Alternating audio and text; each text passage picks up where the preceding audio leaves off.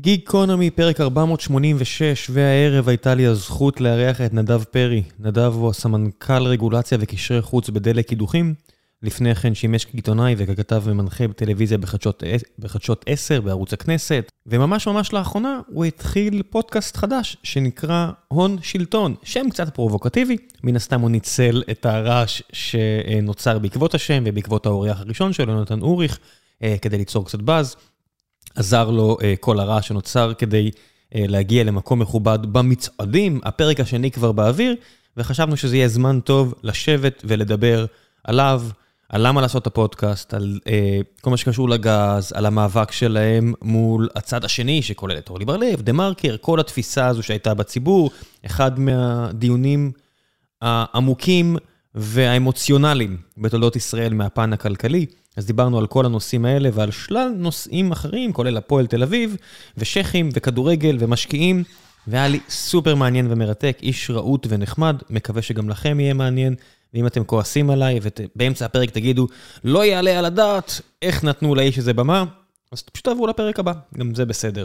ולפני שנגיע לפרק הזה, אני רוצה לספר לכם על נותני החסות שלנו. והפעם, נותני החסות שלנו הם החבר'ה הטובים מדיסקונט-טק. דיסקונט-טק היא זרוע בנקאות ואשראי של קבוצת דיסקונט.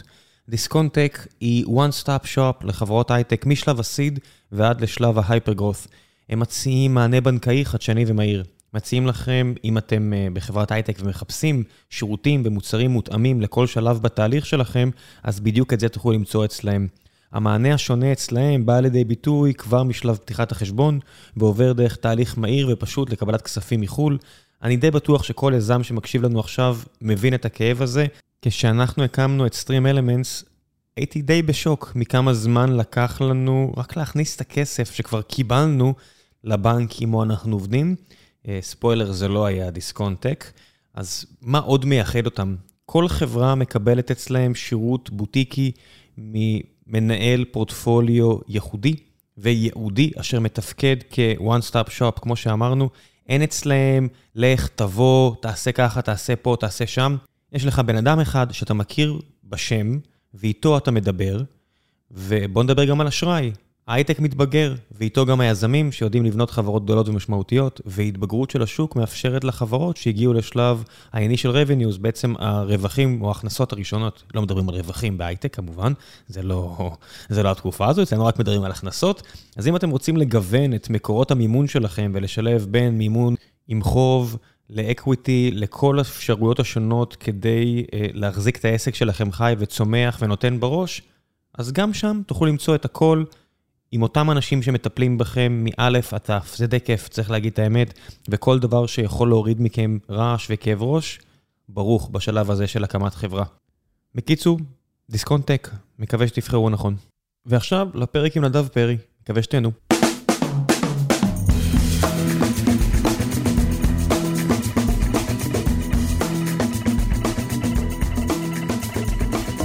גיקונומי פרק 486, והערב יש לי הזכות לארח את נדב פרי, המגיש של הפודקאסט החדש הון שלטון. וגם עוד, וגם עוד דברים. סמנכ"ל רגולציה בדלק קידוחים וקשרי חוץ. למה אתה לא אומר את זה אבל? הנה, אתה רואה? דילגנו את האירוע, דילגנו את האירוע, אמרנו, הכל טוב. עכשיו תראה, תדע לך, שיש עכשיו מאזינים שנכנסו לפודקאסט ואומרים, וואלה. הוא לא ידענו. לא ידענו. אה, הוא בדלק? אז למה אתם לא אומרים? אתה קשור לתשובה? כן, אז הנה עכשיו אמרנו. יפה. כן. אני חושב שאתה אחד מהחמישה אנשים שאירחתי או חשבתי לארח, שהביאו גם תגובות כועסות. כן. אתה יודע את זה. תשמע, אני בטוויטר מביא תגובות כועסות כבר... since 2015.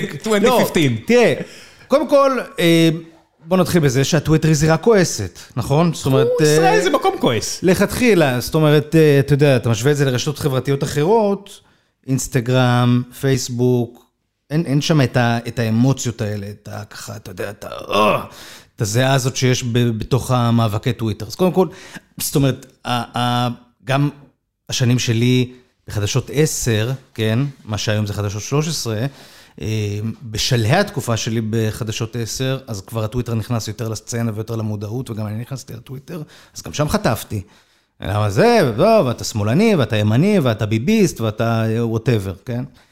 ואז כמובן, זאת אומרת, מהסיפור של אה, המעבר שלי, העזיבה שלי את עולם התקשורת והעבודה שלי בדלק, אה, זה כמובן אה, היה אז אירוע שיצר הרבה מאוד תהודה ברשתות החברתיות. אני חושב שזה היה מ... מראשוני האירועי השיימינג האלה, ככה, אתה יודע, ש, שלפחות ש, שניסו לייצר ככה בגל הנוכחי של ה... של ה... אתה לא יכול לתחום את זה רק לטוויטר, יש, אתה יודע, דה מרקר פחות או יותר אומרים שהם עושים את זה. לא, זה נכון, אבל הטוויטר הוא כאילו, אתה יודע, מין איזושהי בבואה מאוד מייצגת ומאוד נוכחת בחיים של כל הגורמים המעורבים בכך, כן? אתה יודע, אני את ה... את המגע שלי עם התגובות האלה, אני בדרך כלל מקבל דרך הטוויטר, אתה יודע, אני... בחיי היום-יום שלי אני מוקף חברים ו... כן, אבל אתה הולך ברחוב, אנשים לא ניגשים אליך, אומרים לך דעות. הפעם האחרונה שמישהו ניגש אליי ברחוב הייתה לפני יומיים בהופעה של רוקפור, קהל כאילו, לפני, סליחה, לא לפני יומיים, לפני ארבעה ימים. קהל הכי תל אביבי שמאלני, והוא אמר לי, וואלה, שמעתי את אורי, חיה מעולה, תמשיך. כן, זה הפעם האחרונה שניגשו אליי ברחוב. באופן כללי כבר לא, אתה יודע, אני... הגעתי שאתה לא בטלוויזיה. אני המון שנים לא בטלוויזיה, אתה מבין? זאת אומרת, אני כבר שש וחצי שנים לא בטלוויזיה, זה לא מעט זמן. אז אני הפכתי מבן אדם שמזהים אותו לבן אדם שלפעמים אומר, תזכיר לי, תזכיר לי, מאיפה... היינו בהודו. אז אם אני רוצה ככה להיות קצת סדיסט, אז אני אומר, לא יודע, מה, איפה היית בצבא, מה ככה? ואם לא, אני אומר, פעם עבדתי בטלוויזיה, אז יכול להיות שזה משם. למה אוריך?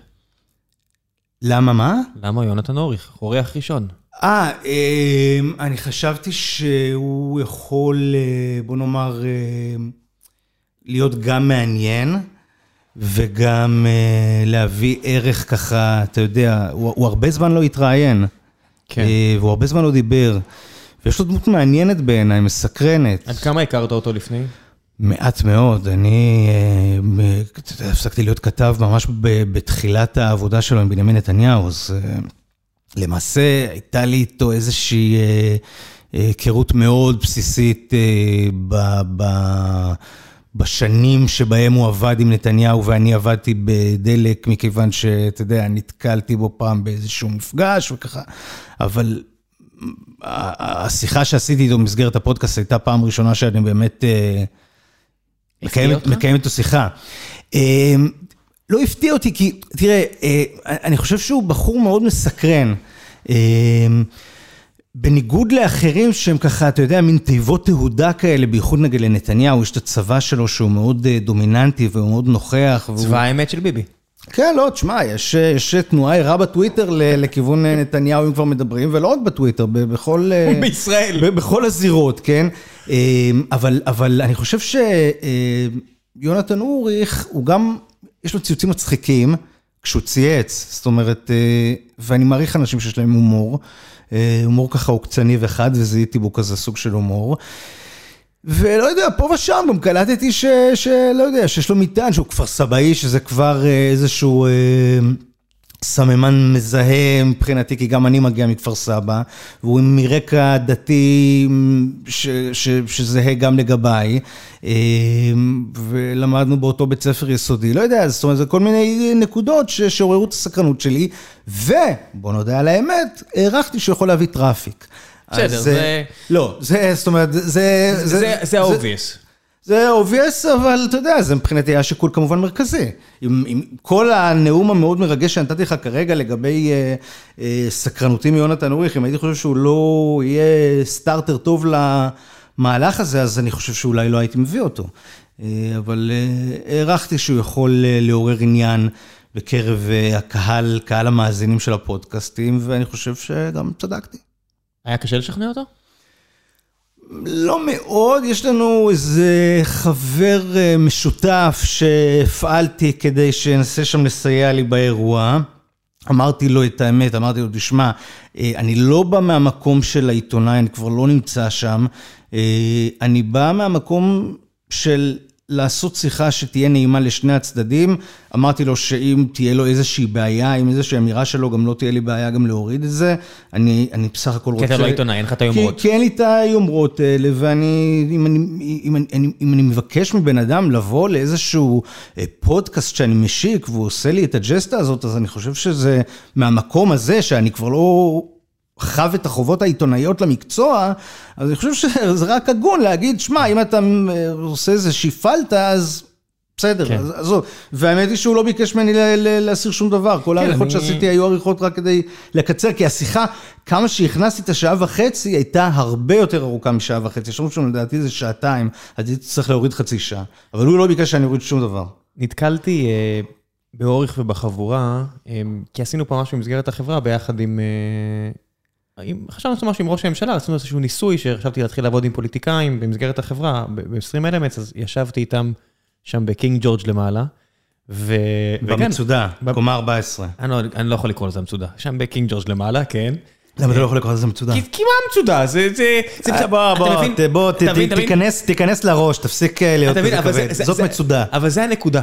אבל אתה יודע שהמצודה, אגב, זה בניין שהוא למעשה שני בניינים. הבסיס זה הבניין שבו נמצא מוזיאון האצ"ל, כן. ושבו היו גם אולמי עצמאות, זה בעצם המצודה המקורית. ועליה בנו את התוספת של הקומות, שממש נתן איזה מראה עם הבאוואוז הזה, כן, שלא נתן איזה מראה מצודתי. אז הגעתי לשם, ויש שם תמונה. אבל סליחה, רגע, סליחה שאני קודם כן, אותך, כן. אבל אם אתה תסתכל על איך שהבניין הבסיסי באמת נראה, עם החלונות הצרים שם, זה באמת יש לזה מבנה של מצודה. כן, כן, ואתה מגיע לשם עם כל השם הגדול של זה, וזה היה לפני בחירות, אז גם היה שם איזושהי תמונה ענקית של בנימין נתניהו עם איזשהו רודן בעולם, פוטין, או לא יודע מי, וכנראה פוטין. זכור לי זה, ואנחנו עולים למעלה, וזה חדר מלא ב... אתה יודע, טופז לוק ויונתן וכל החבר'ה האלה, ויש, היה לי איזושהי תמונה בראש שלהם, שהיא מבוססת על דמוניזציה מאוד קיצונית, מ... אתה יודע, מהמיליה שאני, שאני מוקף בו. גם אה, פרי אדם, כי הם אוהבים את הפרובוקציות והתמכרו להם, ואז אתה שופט אותם פר פרובוקציה, אתה אומר, או, חלאה, מה כתבת? אבל בסוף, אתה יודע, אתה יושב איתם בחדר, בחדר די אתה יודע, לא מפואר, עם קופסאות, עם כוסות קרטון של אה, קפה בוץ, כמו שאתה ביקשת שאני אכין לך פה. ולא היה לך. לא, לא היה להם להציע לי... אבל היה לך גרנולה. כן, גרנולה, כן, אתה יודע. כן, משרד של הייטקיסטים. כן, כן, אה, טונה ריה מרי. ואתה יודע, אתה לא יכול, זה כמו שארז תדמור, שגם היה אמור להיות פה, ומתישהו גם יגיע, אם הוא לא יפסיק לדפוק אה, ברזים פה, הוא גם אחד האנשים הכי מושמצים בטוויטר ישראל, אנשים שונאים אותו. אבל יצא לי לדבר איתו, לא מעט אפילו פעמים, אפשר לדבר איתו על טניס ועל ככה ועל פה, אה, והיה לי איזה שיחת טלפון איתו שהוא בן אדם. אני אגיד לך משהו, אני אמ, עושה את ההפרדה. ואני עושה את ההפרדה מאז שאני במקצוע הזה, אוקיי? כשהייתי נער, לא עשיתי את ההפרדה. היית כועס. הייתי כועס, מאוד. אה, אבל בגיל 18, אמרתי רקע דתי זה אמירה טיפה מטעה, כי אני מגיע מכפר סבא ממשפחה שהיא אמנם אה, כיפות סרוגות, אבל מאוד בצד הלייטי של זה, זאת אומרת, אה, לא, לא הרגשתי כאן באיזושהי... כיפה צבעונית.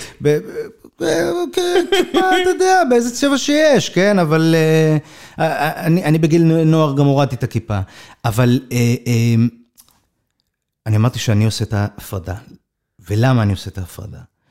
כי אני בגיל 18 או 19, הפכתי מנער מכפר סבא, שלמד בתיכון לא דתי, ובאמת כל חבריו הם כבר לא, לא ממש בדת, וככה עם נטייה פוליטית אה, די מובהקת, די מובהקת לשמאל, כן, בהחלט. ואני הופך להיות כתב חרדים.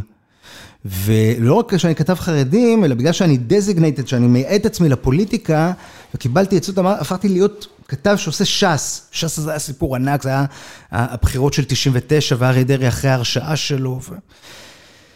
ו... ו... ועברתי לגור בירושלים, ופשוט אה, במעבר מאוד חד ומאוד דר... דרמטי, אה, אה, עברתי ממש ככה, במרכאות כמובן, אה, לישון עם האויב, כן? כי עד לפני חצי שנה נגיד, הייתי בתיכון שלי בכפר סבא, שהבנות אז בניינטיז היו הולכות עם חולצות גזורות, ועם הפס של החזייה ככה מהכתף, זו הייתה האופנה הזו של ה...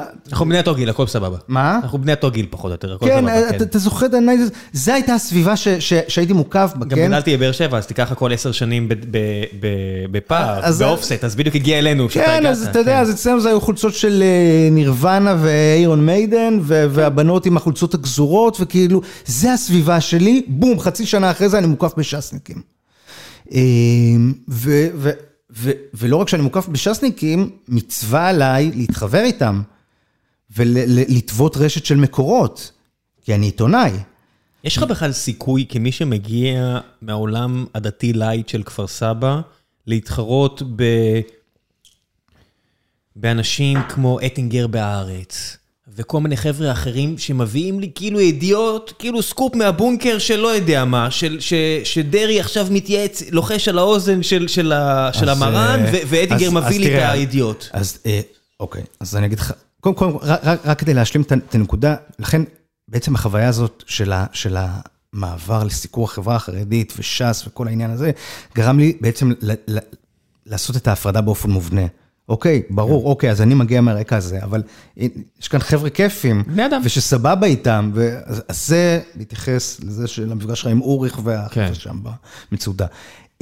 לגבי החוויה שלי ככתב חרדים, אה, אה, עזר לי, כי אני למדתי בתיכון שהוא היה ממלכתי דתי, וכן היו לנו שם שיעורי גמרא, וכן עוד הייתי בז'-ח' ככה, אתה יודע, אז היו לי כל מיני מושגים, אז לפעמים הייתי אה, מטבל שיחות עם, אה, זוכר אותי פעם אומר לרב רביץ, ז"ל, אה, שהיה יושב ראש של דגל התורה, איזה מונח כזה מה- מה- מהגמרא ככה, בדרך אגב, זה מאוד הרשים אותו, אז ככה, כן, אז אתה יודע, זה... אתה זה- לא ערב רב. סליחה? אתה לא ערב רב. אני לא ערב רב, זה ככה נותן איזושהי באמת תחושה שאני- שיש לי שם איזושהי, כן זה עזר לי, אבל לא, לא באופן דרמטי, אבל מה- שעזר לי ככתב חרדים בשנים ההם, זה העובדה שהייתי מאוד מאוד מאוד dedicated לעבודה ולעבודה עיתונאית, מאוד רציתי להצליח, היה לי דרייב ככה מאוד, אה, מאוד, אה, מאוד נוכח. כשאתה כתב חרדים, זאת אומרת, נגיד אה, עמיתך בשלב מסוים, עמית סגל, הוא נראה לי כבן אדם שכשהוא התחיל, היה עושה הכל בשביל סקופ. הוא גם בנה אחרי זה קריירה על הסקופים האלה, להגיע לקשרים האלה. אה, אתה יודע, הוא אפילו רושם בספר שלו על הקשרים שלו עם בנימין נתניהו, ועל שיחות פרטיות, ועל וכו' וכו', הוא לא מסתיר את זה, זה הוא, הוא טבע את הרשת קשרים הזו. כשאתה כתב חרדים, מה המטריקות שלך להצלחה? זה, זה סקופים? זה... ברור. כן? אה, מה זה סקופ ב- לכתב חרדי? מצטער על השאלה של הבורות מצידי. אני יודע, אריה דרעי מתפטר מראשות ש"ס. זאת אומרת, זה, זה, על זה אני מדבר, כן? זה, זה התקופה, בוא, זו הייתה תקופה של אה, משברים קואליציוניים יומיומיים בזמן ממשלת אהוד ברק.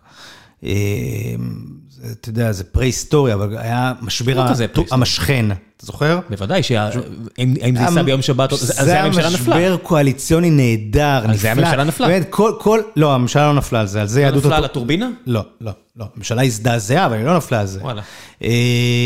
בסוף הממשלה של אהוד ברק נפלה בגלל קמפ דיוויד, זה מה שהפיל אותה. היא נפלה בגלל אהוד ברק. נכון, אבל, אבל אז היה את המשבר, אז, אז להביא כותרות מה- מה- מה- מה- מהמשבר הפוליטי הזה, כן? אה, ל- ו- ו- וכמובן אחרי זה משבר עם, אה, עם ש, ב- על משרד החינוך, בין ש"ס ליוסי שריד, זאת אומרת, זה, היו תקופות ש... ש... אני לקחתי את זה מההתחלה יותר לכיוון הפוליטי, לא הייתי יותר מדי בראש של אנתרופולוגיה ובואו נזרמים בחברה החרדית. זה, זה אגב, זה נגיד יותר יאיר רטנגר, אגב, בייחוד בציונות הדתית, אבל גם בחברה החרדית. זאת אומרת, לא- לוקח את זה לניתוחים הרבה יותר אה, אה, עמוקים מהמקומות שאני לקחתי את הסיקור החרדי בשנים כן, ההם. בוא נגיד שקראתי אנחנו מדברים אותו על לפני- אה, למעלה מ-20 20 שנה, שנה, כן. יותר מ-20 שנה, כן? כשהייתי קורא אותו, אז בוא נגיד תיאוריות שעכשיו רצות, של ישראל הראשונה, ישראל השנייה, מה הקשר בין ציונות דתית לחרדים, דרעי למד אצל אשכנזים, לא למד, כל הדברים האלו, יש עומק. ש- שמרדדים כן, תיאוריות היה לך סוציולוגיות. גם אז את שחר, בתקופה שלי היה מי שעכשיו כתב חרדים די מוביל, היה שחר אילן, שהיה לוקח את הסיקור החרדי בצורה מאוד, אה, אתה יודע, דאטאבייס, היה מביא תמיד כמה מקבלים את הקצבאות האלה לפי השכבות האלה והקריטריונים האלה, שזה- והגיוס כן. הוא ככה, תמיד הוא היה מביא כאלה סטטיסטיקות. כן. אה, זה השנים שבנימין נתניהו נהיה שר אוצר שש שנים לאחר מכן ומקצץ בקצבאות, לא שש, פחות. לא, בנימין נתניהו היה שר אוצר כמה שנים אחר כך. כן, וזו התקופה שהמספרים האלה באמת היה להם משמעות מאוד גדולה, כי הם השפיעו גם עליו כשר אוצר והוביל לכל מיני קיצוצים כאלה ואחרים. תשמע, הסיפור עם החרדים הוא באופן כללי ממש רפטטיבי. יש גם כן מין משפט שאומר, וישמע שרון ויבעט, כן? וזה מין איזשהו מעגל שחוזר על עצמו עם הפוליטיקאים החרדים.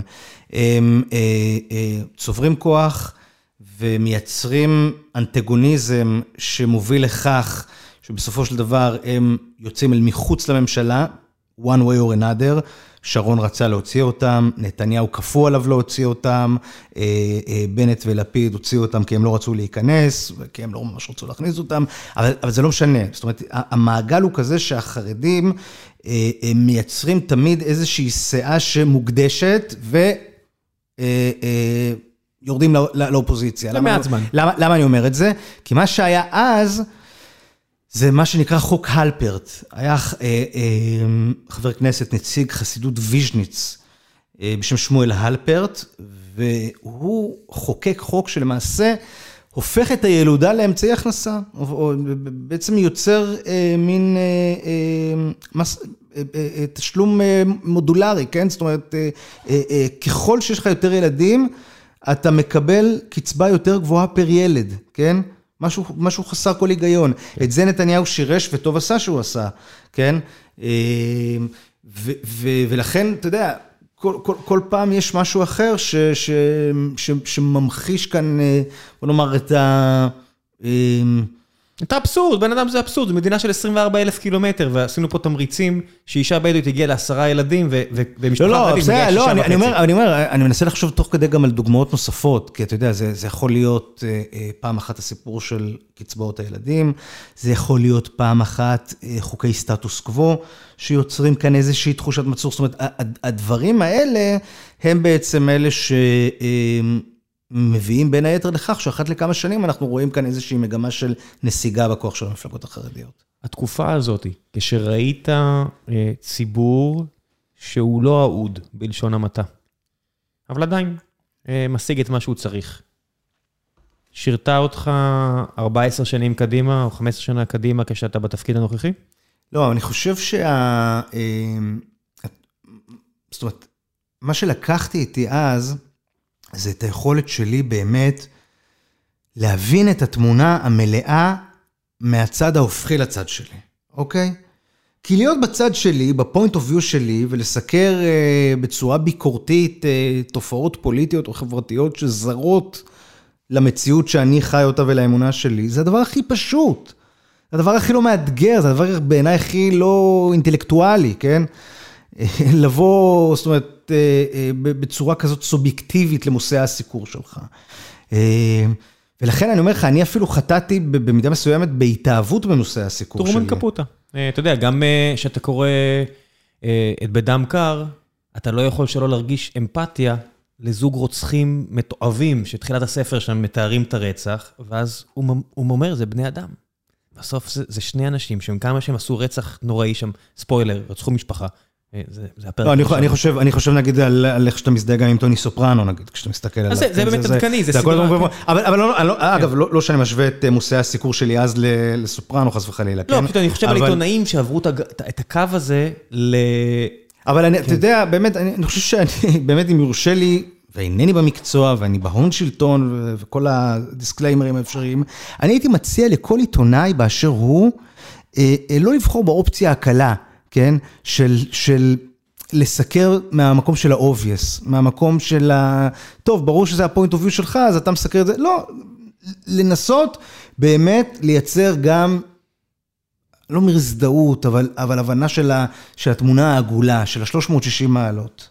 אין כמעט, בסופו של דבר, רובנו דמויות הרבה יותר שטוחות מטוני סופרנו. אתה יודע, אם אני אפתח את הארץ, אז אני אקרא בעמוד השני ביום שישי, את נחמיה שטרסלר אה, מפרגן לדלק, ואם אני אגיע לדה מרקר, אני אקרא את רולניק בפעם המאה טוחן את הצורה לדלק, ואני אקרא את אה, אבי טוחן בפעם ה-400 את דלק. אין פה הפתעות, זאת אומרת, וזה לא רק אצלהם, ברור.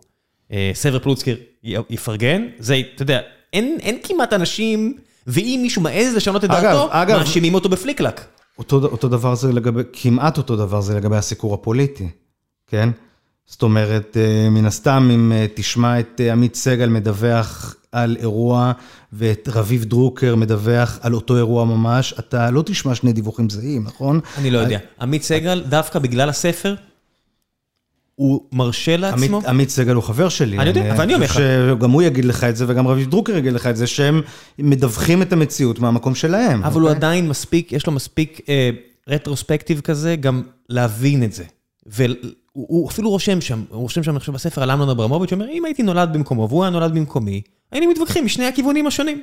ואני מאוד מעריך את, את הכנות האישית הזו, של לדעת מה מקומך ולהצהיר על זה, קצת אירוניה פנימית, קצת, אתה יודע... שמע, בוא, אני, אני, אני חושב שאפשר uh, לסכם את הדיון הזה בתרגיל שאני אציע לך, אני מציע אותו לעצמי, כן? Uh, ואני אציע אותו למאזינים של uh, הפודקאסט הזה. קח נושא controversial, תחליט, אם אתה צריך להחליט, בדרך כלל זה מגיע מה gut, כן? איפה אתה נמצא בו, ואז תיתן pitch של שתי דקות שיסביר הכי טוב את הצד ההפוך. חוג debate. כן, כן. זה בדיוק חוג debate, אפילו- לקחת את הכמות זמן, פחות או זה, זה יותר. בדיוק חוג debate, זה בדיוק העניין. ואני חושב שכשעושים את זה, אז במידה מסוימת אפילו מעמיקים את ה... אה, בוא נאמר, הפוזיציה האידיאולוגית או התפיסתית, ש... זאת אומרת, זה, זה, זה מחזק את המקום שבו אתה נמצא, אוקיי? זאת אומרת, ההבנה, ש... ת- ת- אני אני לא רוצה לקחת את זה לדיון על הגז, כן? אה, כי זה, כי זה יותר מדי אה, גם כן obvio- obvious'י, כן? למרות אבל- שזה לא. אבל, אבל בוא, בוא ניקח למשל את הדיון על נתניהו, אוקיי? למרות ש... חכה, אנחנו נחזור, דווקא לגז, אני לא רוצה את אז זה. ב- בוא אני אגיד לך לגז, כן? אני מציע לעצמי לפעמים לתת פיץ' של דקה נגד הפעילות של הגז. ספוילר, לא, אני לא אחלוק אותו כאן עם ה... בוודאי. עם... אבל, אבל אתה יודע, זה... לנסות להיות אמפתי לצד השני. אגב, אני, אין- אני, לא, אני לא אנטיפטי לצד השני. אה, אה, זאת אומרת, אני כן טיפה אה, גידלתי קוצים כדי להגן על, אה, אתה יודע, על, ה, על, ה, על, ה, על האקו-סיסטם הפרטי שלי מכל ה... אה, בוא נאמר, הפידבקים, אבל שוב, אתה יודע, אני, אני לא נתקל בפידבקים ברמה, ברמה היומיומית, חוץ מכל מיני תגובות בטוויטר, זה... זאת אומרת, שם זה מסתכם, כן? אבל אתה קורא את כל הכתבות. עזוב טוויטר, אתה קורא... את- עליי? אתה מופיע בחלק מהכתבות. כן, אבל בוא, אני, אני, אה, זאת אומרת, היה את הבום הגדול ש, שעברתי לדלק, וזה באמת אה, עורר הרבה סיקור, אבל כן, מאז... עכשיו, לפני שבועיים, החלטת לעשות פודקאסט חדש? כן, לא, אז היה הקדישו ברור ש... לכבודך טורים. כן, כן, באמת כן. זה היה ברור שיעשו עליך טורים? אני אומר לך כצופה. מהצד, אני אומר לך כבן אדם מהצד, אני אומר, מה אכפת, סליחה על זה, אבל מה אכפת לי? כן, אבל אתה מבין למה אתה שאני- עושה פודקאסט, מה אכפת לי שהוא יגיד, היה שם איזה קריאה של נתי טוקר? טוקר? אל תאזינו לפודקאסט. אחי, כן. אם- החמאס יעשו פודקאסט, אני אקשיב כדי לדעת, אם אני יכול להבין אותו, ואתה... שמע, אני אגיד לך משהו, אני הגעתי, סליחה רגע שאני כאן אה, עושה טיפה show off, לא, אבל? אה, אני הגע- הגעתי למקום שני בספוטיפיי עם הפרק הראשון, אז יכול להיות שאם הוא לא היה כותב את הטור, הייתי מגיע למקום ראשון, אתה מבין? זאת אומרת, אה, או יכול להיות ש, שהודות ל...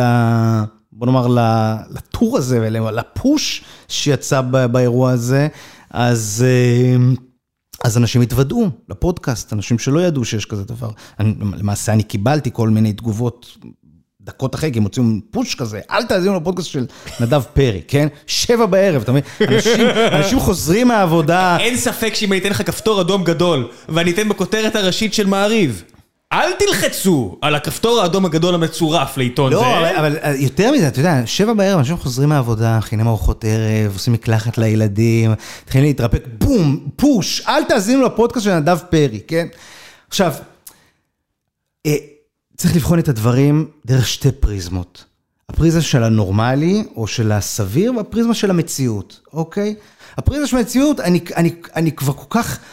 אה, בסדר, אוקיי, כן, אני מבין את זה, אני, אני רגיל לזה, אוקיי, אה, סבבה, אני, אני מקבל את זה כנתון, אני חי את זה, זה מופרך בעיניי, אוקיי? אה, אה, בפריזמה שלו הנורמלי זה הרי, תשמע, בעיניי זה- מצחיק, כן?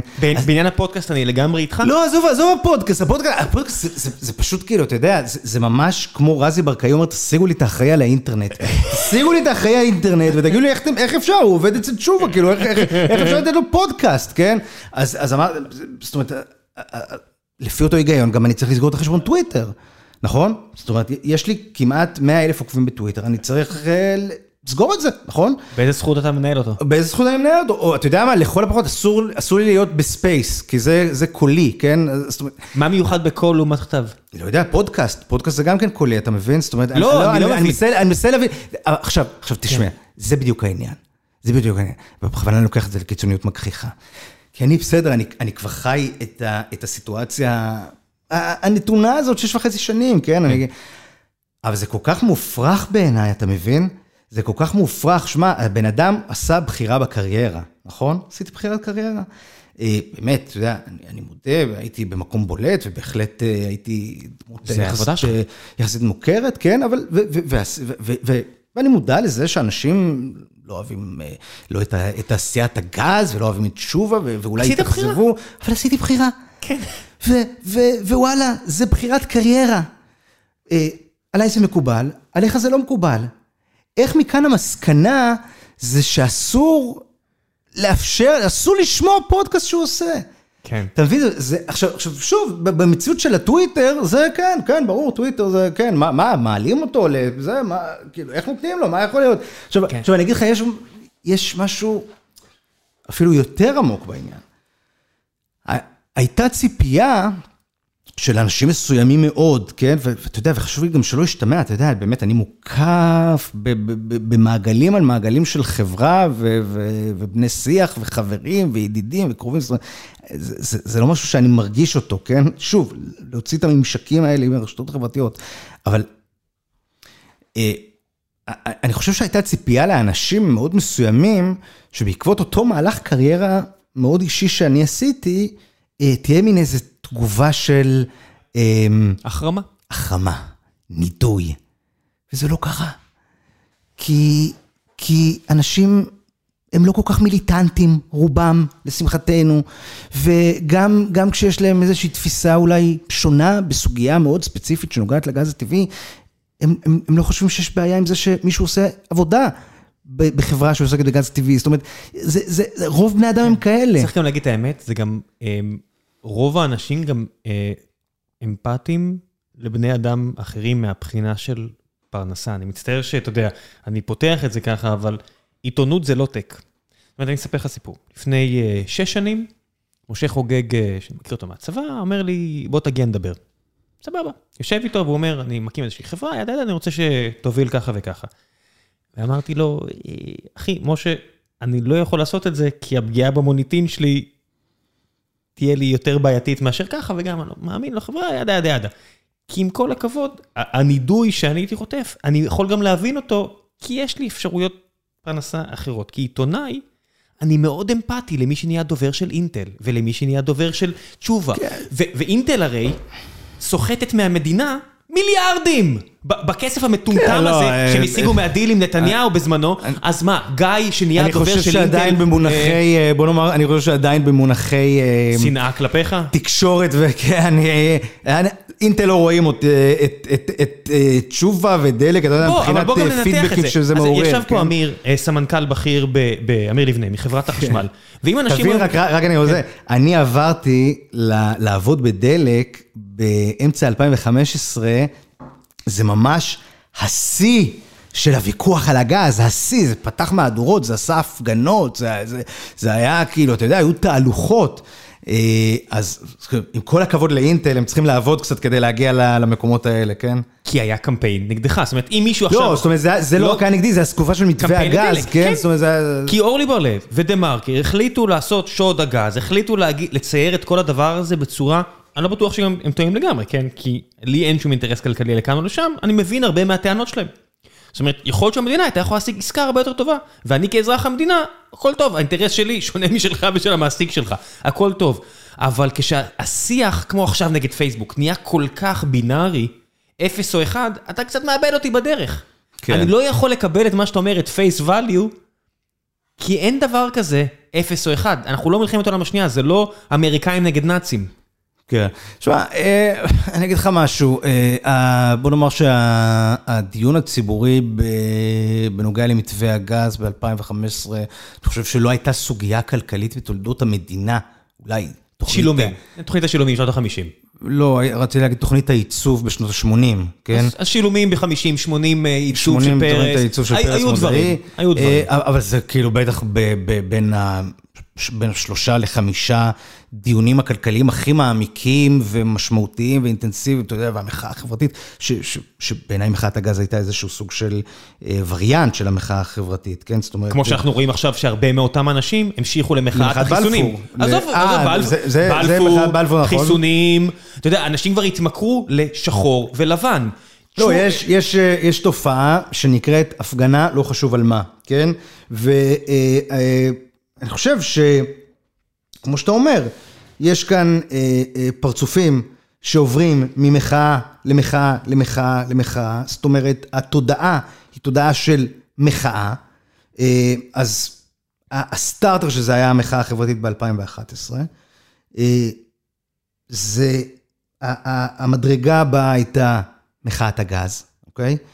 אה, אחרי זה היו כל מיני מחאות אחרות של אה, יוקר מחיה וכאלה כי זה הכל. מחאות של מעמד ביניים תל אביב. אתה יכול ללכת אחורה לפנתרים שחורים של ה-70. לכיוון- כן? הלך לכיוון של הפגנות מנדלבליט, כיכר גורן פתח תקווה, כן. ומשם לבלפור. ואז נגמר בלפור, נוצר ריק, אוקיי? מה עושים מיום שבת? אז אה, בסדר, אז אתה יודע, אז חלק הלכו עכשיו מפגינים נגד ההסכם של קצא"א ב- ב- עם האמירויות, לגשרים, וחלק הפגינו נגד נאוריחיה, וחלק עכשיו עם החיסונים, ו- ו- וחלק אה, כבר כועסים על הממשלה הזאת, כן? אז... אה, אבל, אבל הרפיטטיביות בה- בהפגנתיות הזאת, עכשיו, עכשיו, בסוף, במידה מסוימת, במידה לא מבוטלת, אתה תזהה חפיפה די גבוהה בין האנשים שכועסים עליי בטוויטר, ואז אתה אומר גם בטיזר שעשית לקראת זה שאתה מביא אותי, האיש שהכי זה... זה אמת, אני לא... לא, כן. אבל זה מה שאני אומר. בסוף, אתה תזהה חפיפה, אני חושב, מאוד גבוהה בין אותם אנשים שכרגע, אני, אני חושב, אפיינתי בגדול, ברמת התודעה המחאתית שלהם, לבין התגובות השליליות שאני באופן אישי אנשים מקבל רוצים בטוויטר, כן? אפס ואחד, אנשים רוצים רשעים וצדיקים. נכון. רוצים להגיד, אורלי בר-לב צדיקה, נציגת הציבור, רוצים להגיד, תשובה רשע, אתה רשע. אה, זה- זה נוח, זה הסיבה שמארוול ודיסני בנו אימפריה על אוונג'רס נגד טנוס, זה הסיבה שסטאר וורס, אתה יודע, חולית. אפור, לא הצליח כל כך, מגיע סטאר וורס, לוקח את הנוסחה של ילד, אבוד, yada yada yada, מחפש את עצמו, גיבור גדול, נעשה את זה פשוט יותר, let's dumb it down. ואתה רואה שעשו את זה אה, בדה מרקר כאסטרטגיה. בוא נטמטם את הסיפור הזה, כי אם אני קורא את בן תומפסון, אנליסט שאני מאוד אוהב, אצלו המסרים הם הרבה יותר מורכבים. ואתה אומר, כמה מהאוכלוסייה בכלל מוכנה למסר מורכב ולא רוצה להסתפק בטוב ורע. אז הנה תשמע ביטוי שאני אה, אוהב, שגם כן הוא, אה, יש לו ככה רקע סמי תלמודי, אחזת את השור בקרנב. אחזת את השור בקרנב, וזה all across the board, אוקיי? ובסוף השאלה הבינארית היא, האם אתה מוכן לדיון בינארי או לדיון מורכב? וזו השאלה הבינארית. האם אתה יכול לקבל את העובדה שזה שנדב פרי, סליחה שאני לוקח את זה אליי ברמה אתה האישית, העורך היום, כן, לא תשובה. אה, עובד בדלק קידוחים כנושא משרה, זה לא נגיד אומר בהכרח שהוא ביביסט, אוקיי? לדוגמה. מכיוון שיכול להיות שנתניהו הוא על הפנים, כן? וממש צריך לסיים את כהונתו, אבל הוא הביא ארבעה הסכמים עם מדינות ערב, עם האמירויות, עם מרוקו, עם סודאן, עם בחריין, שזה דבר נהדר. ואתה יכול להגיד שנתניהו הוא ראש ממשלה ש, ש, שחייב לסיים את כהונתו מאלף ואחת טעמים, אבל עם החיסונים ב, ב, ב, בגל השלישי, כן, הוא העביר אותם ראשון, אוקיי? זאת אומרת, זה, ו, ו, ואתה יכול פשוט להסתכל על המציאות בצורה מורכבת, ואתה יכול להגיד, כן, אני אנטי, אני לא אוהב את אה, אה, דלק, אני לא אוהב את תשובה ואני לא אוהב את הגז, אבל וואלה, אני מודה עכשיו, מחירי הגז כאן הם ממש, הם ממש הכי זולים בעולם. כן? זה, זה סתם... אז אני- אז אני לא יודע, זו טענה שאני לא רוצה להתייחס אליה, לא כי משנה, אני- כי אני אומר, אני בטוח שהיא. לא נכונה, אבל... לא, הם לא הכי זולים בעולם, אבל בסדר, נו. יש מדינות שזה מסובסד, נו מה הכי זולים לא בעולם? משנה, כן. ספציפית, כרגע זו תקופה מאוד לא מייצגת, כי נכון. המחירים הם בראלי באמת... אבל, אבל זה גם חלק. מהבעיה שלי, ש, שנתניהו, ששם הרבה ז'יטונים על אבל המהלך... רק אני, כן. סליחה רגע, סליחה כן. רגע, אבל בסוף אני חושב שזה העניין. האם אתה יכול... כי, כי מה הבעיה, אני חושב? הבעיה היא שאנחנו, אני אוהד הפועל, אז אני עם הפועל תמיד. אני עם הפועל נגד מכבי. לקחת לי אפילו את הפועל, תמיד אני הפועל באר שבע, הפועל זה הפועל תל אביב. הפועל כן. יש רק אחת. אני יודע, אני יודע. הפועל יש רק אחת. אני אוהד הפועל. כן. אז אני עם הפועל. גם נגד מכבי, וגם נגד אה, ביתר, וגם נגד באר שבע. ואני ביתר, אז אני ביתר תמיד, ואני מכבי, אני מכבי תמיד. אז אה, אני אנטי ביבי, אז אני אנטי, כאילו, בהכל. מקשה אחת. אני מקשה אחת. אז רגע, אז, אה, אז אה, חיסונים ביבי הביא? לא, לא, אז אה, זה משהו כאן מסריח, הוא עשה עסקה אפלה עם פייזר. אה, וביבי הביא את ההסכמי שלום? אה, לא, אז... ואותו דבר הפוך. אותו כן. דבר ביביסטים. ש, שכאילו, אתה יודע, כל דבר עכשיו... אה, אה, אה, מה שאני לא יכול, אתה יודע, בשום צורה שהיא להבין ב... ב, ב בגישה הזאת של הביסטים למשל, זה חוסר ההבנה שלהם לעובדה שבני גנץ בבחירות מספר 3 עשה בדיוק את מה שנפתלי בנט עשה עכשיו. ואז הם היו סבבה עם זה שבני גנץ מפר את ההבטחה, כי הוא רואה את השיקולים הלאומיים היותר חשובים, שהם להפסיק את מחול השדים הזה של הבחירות החוזרות ונשנות, ואז היה להם בסדר. אבל כשנפתלי בנט עושה את אותו דבר, אז הם, הם פשוט רוצים לרצוח אותו. לא לרצוח אותו, לקרוא לו נוכל. אז עכשיו, זה העניין, כי אין חשיבה מורכבת, אין חשיבה של אינטגריטי, של יושר אינטלקטואלי. הבעיה שלי זה שגם זה מוביל לטעויות שהן גסות מדי. אני אתן לך דוגמה, אה, החיסונים. אז בנימין נתניהו אה, דורש, אפילו שהוא, אני חושב שהוא כבר אה, פסק מלהיות ראש הממשלה, אמר, תתחילו עם החיסונים מוקדם יותר. אז אמרו, אה, זה כי הוא רוצה לעצמו, ואז התחילו להביא, באיזה זכות ישראל מביאה את החיסונים האלה כשבאפריקה אין עדיין חיסונים. והתחיל כבר, אתה יודע, עניין, פה, בתוך ישראל, מה הם עושים? האם זה בכלל, אה, מישהו בכלל אומר שצריך את זה? ה-FDA עדיין לא אמר? עכשיו ניו יורק מחלק את החיסונים, מספיק שאתה קרפדה שקופצת בסנטרל פארק, תקבל חיסון. לא השתנה משהו מאז, אפריקה לא נהייתה מקום יותר, יותר סימפטי. ברור שאותם אנשים לא יגידו כלום. כי הכל חלק צריך גם לשרת את האג'נדה. זה גם רטרואקטיבי. אתה מבין, זה לא רק שאני מקשה אחת, גם דברים שקורים, אני צריך להתאים אותם, לעשות להם overfitting למשנה שלי. וזה בגז, זה, זה יכול להטריף אותי. כי זה נושא כל כך מורכב, ויש כל כך הרבה הימורים שאתה עושה, והשאלות צריכות להיות על מה אתה עושה אופטימיזציה. האם אתה עושה אופטימיזציה על עצמאות אנרגטית למדינה, או שאתה עושה אופטימיזציה על אה, זיהום אוויר, האם אתה עושה אופטימיזציה על, הכל, על המכלול שעשו ביניהם?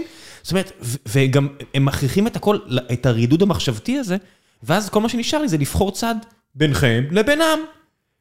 ופאק דאט שיט, זה, זה לא, זה לא נכון, נתפס כמה נכון. שזה לא יעלה על הדעת, זה, זה פשוט משעמם גם. קודם כל, אני אגיד לך כזה דבר.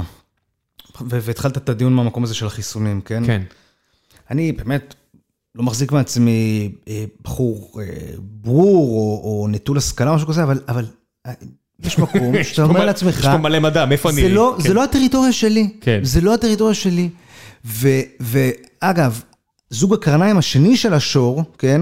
אז אחד זה, זה יכול להיות לחשוב מורכב או לא, זה, זה, זה האם ברירת המחדל שלך היא שיש קונספירציה. יש היום אנשים שברירת המחדל שלהם, no matter what, בגז, או. בנתניהו, או בחיסונים, או בהכל, איפה הקונספירציה? איפה עובדים עליי? עכשיו, עכשיו, עכשיו אני, אני לא כזה. ולמשל בעניין חיסונים, אז באמת, אתה יודע, קורא ו- ונחשף לדיווחים בתקשורת, אבל, אבל אתה יודע, אני, אני אומר, זה לא הטריטוריה שלי.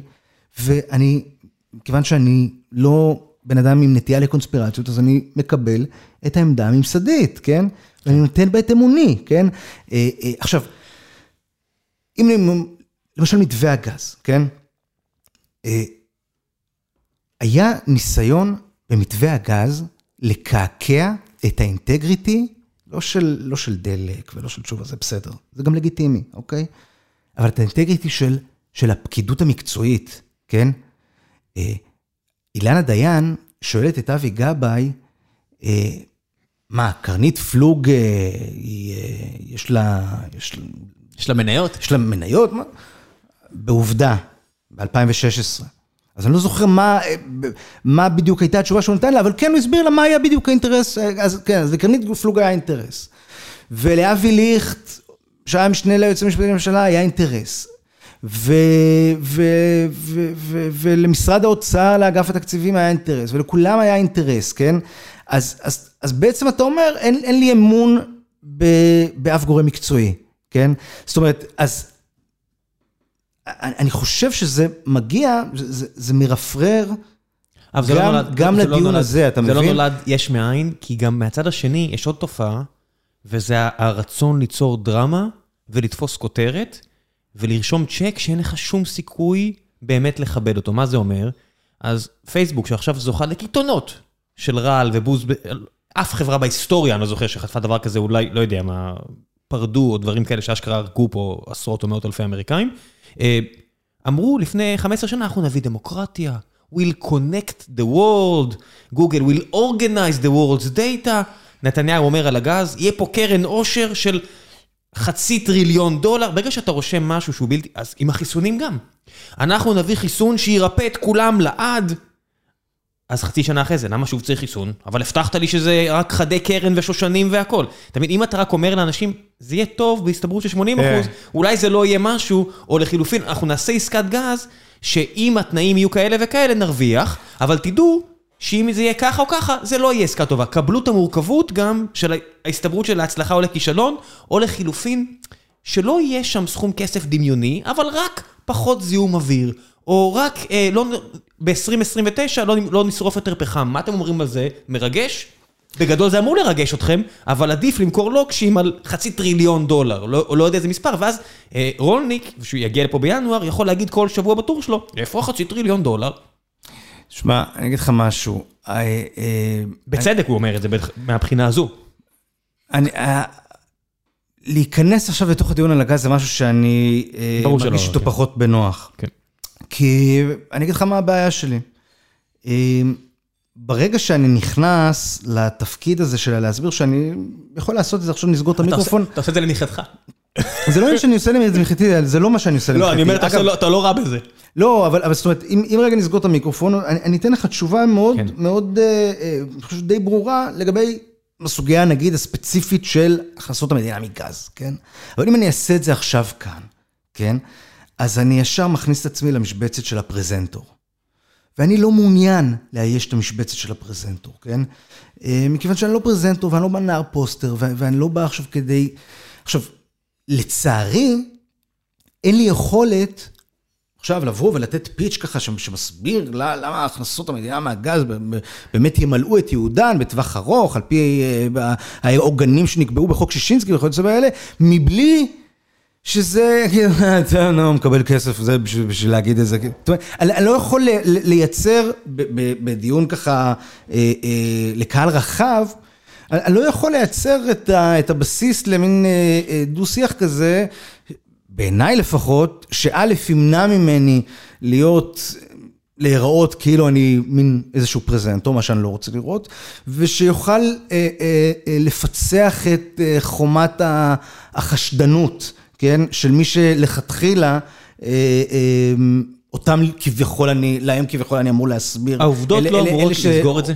סליחה? עובדות מדידות. לא, לא, לא אמורות לסגור את הסיפור הזה? לא, לא, לא. זה לא נורא? הוא לא, תראה, אני אגיד לך כזה דבר.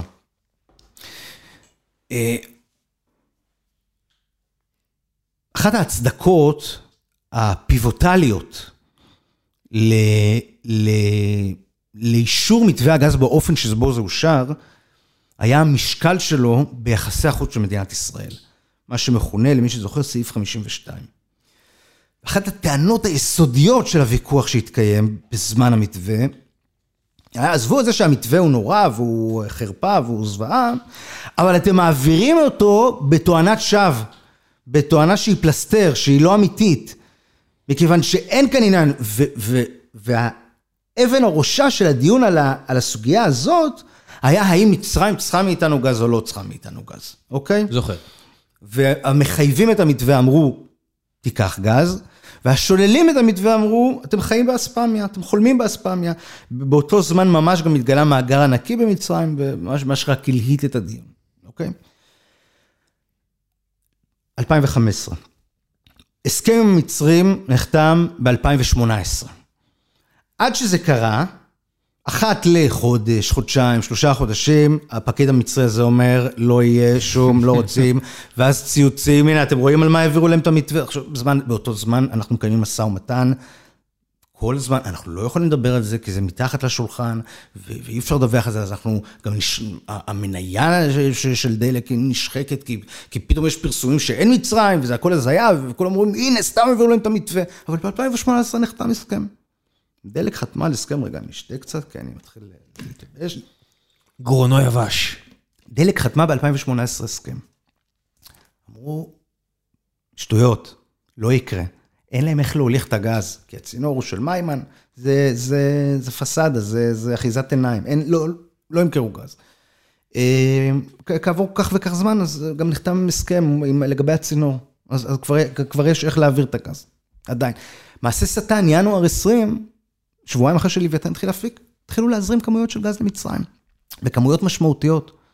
עכשיו, באותו עיתון, דה מרקר, שלמעשה השמיע את חלק ניכר מהטענות האלה ש, שכרגע חזרתי עליהן, כבר כשאנחנו שנה לתוך ייצוא הגז של מצרים, והמצרים על בסיס יומיומי מקבלים גז במאגר לוויתן, כן? אז כותבים שם, כן, המצרים לוקחים איזה גז שהם לא צריכים. כאילו, הם, הם, זאת אומרת, עשו שם איזשהו קשקוש. סגרו קומבינה עם נתניהו כן. ותשובה.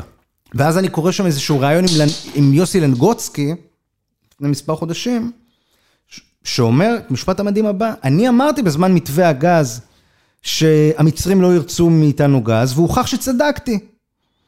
אז עכשיו אתה שואל אותי, האם העובדות לא משנות? אומר יוסי לנגוצקי, אמרתי שהמצרים, בזמן שהמצרים, באותו רגע שהוא אומר את זה, המצרים לוקחים גז מלוויתן. והוא אומר, אמרתי שהם לא ייקחו וצדקתי. אז, אז אתה שואל אם העובדות, לא, אין, אין, אין משמעות לעובדות כפי שאמורות להיות משמעות, כפי, כפי שאמור היה להיות, בעיניי לפחות. אבל המשחק עכשיו קצת משתנה, כי אתה רואה שגם יש כוח למשחק הזה של תפסתי אותך, אה, הגבתם מהר מדי, ראינו את זה עם אה, שכנתי מרב מיכאלי, כשחזרה עם אה, תינוק, ועשתה תעלול בטוויטר, וראינו את זה עכשיו עם חבר הכנסת אה, דוד אמסלם, כש... גם, אני חושב דה מרקר אה, הוציאו דיבתו בעיניי, לא יודע אם אפשר להגיד הוציאו דיבתו, כי אמרו משהו שהוא לא אמר, כולם חוגגים על זה, כמה ימים אחרי זה, אה, הוא לא אמר את זה. אה, לא משנה, אבל תפסנו אתכם. אתה יודע, זה כבר נהיה קצת כאילו אה, משחק כזה.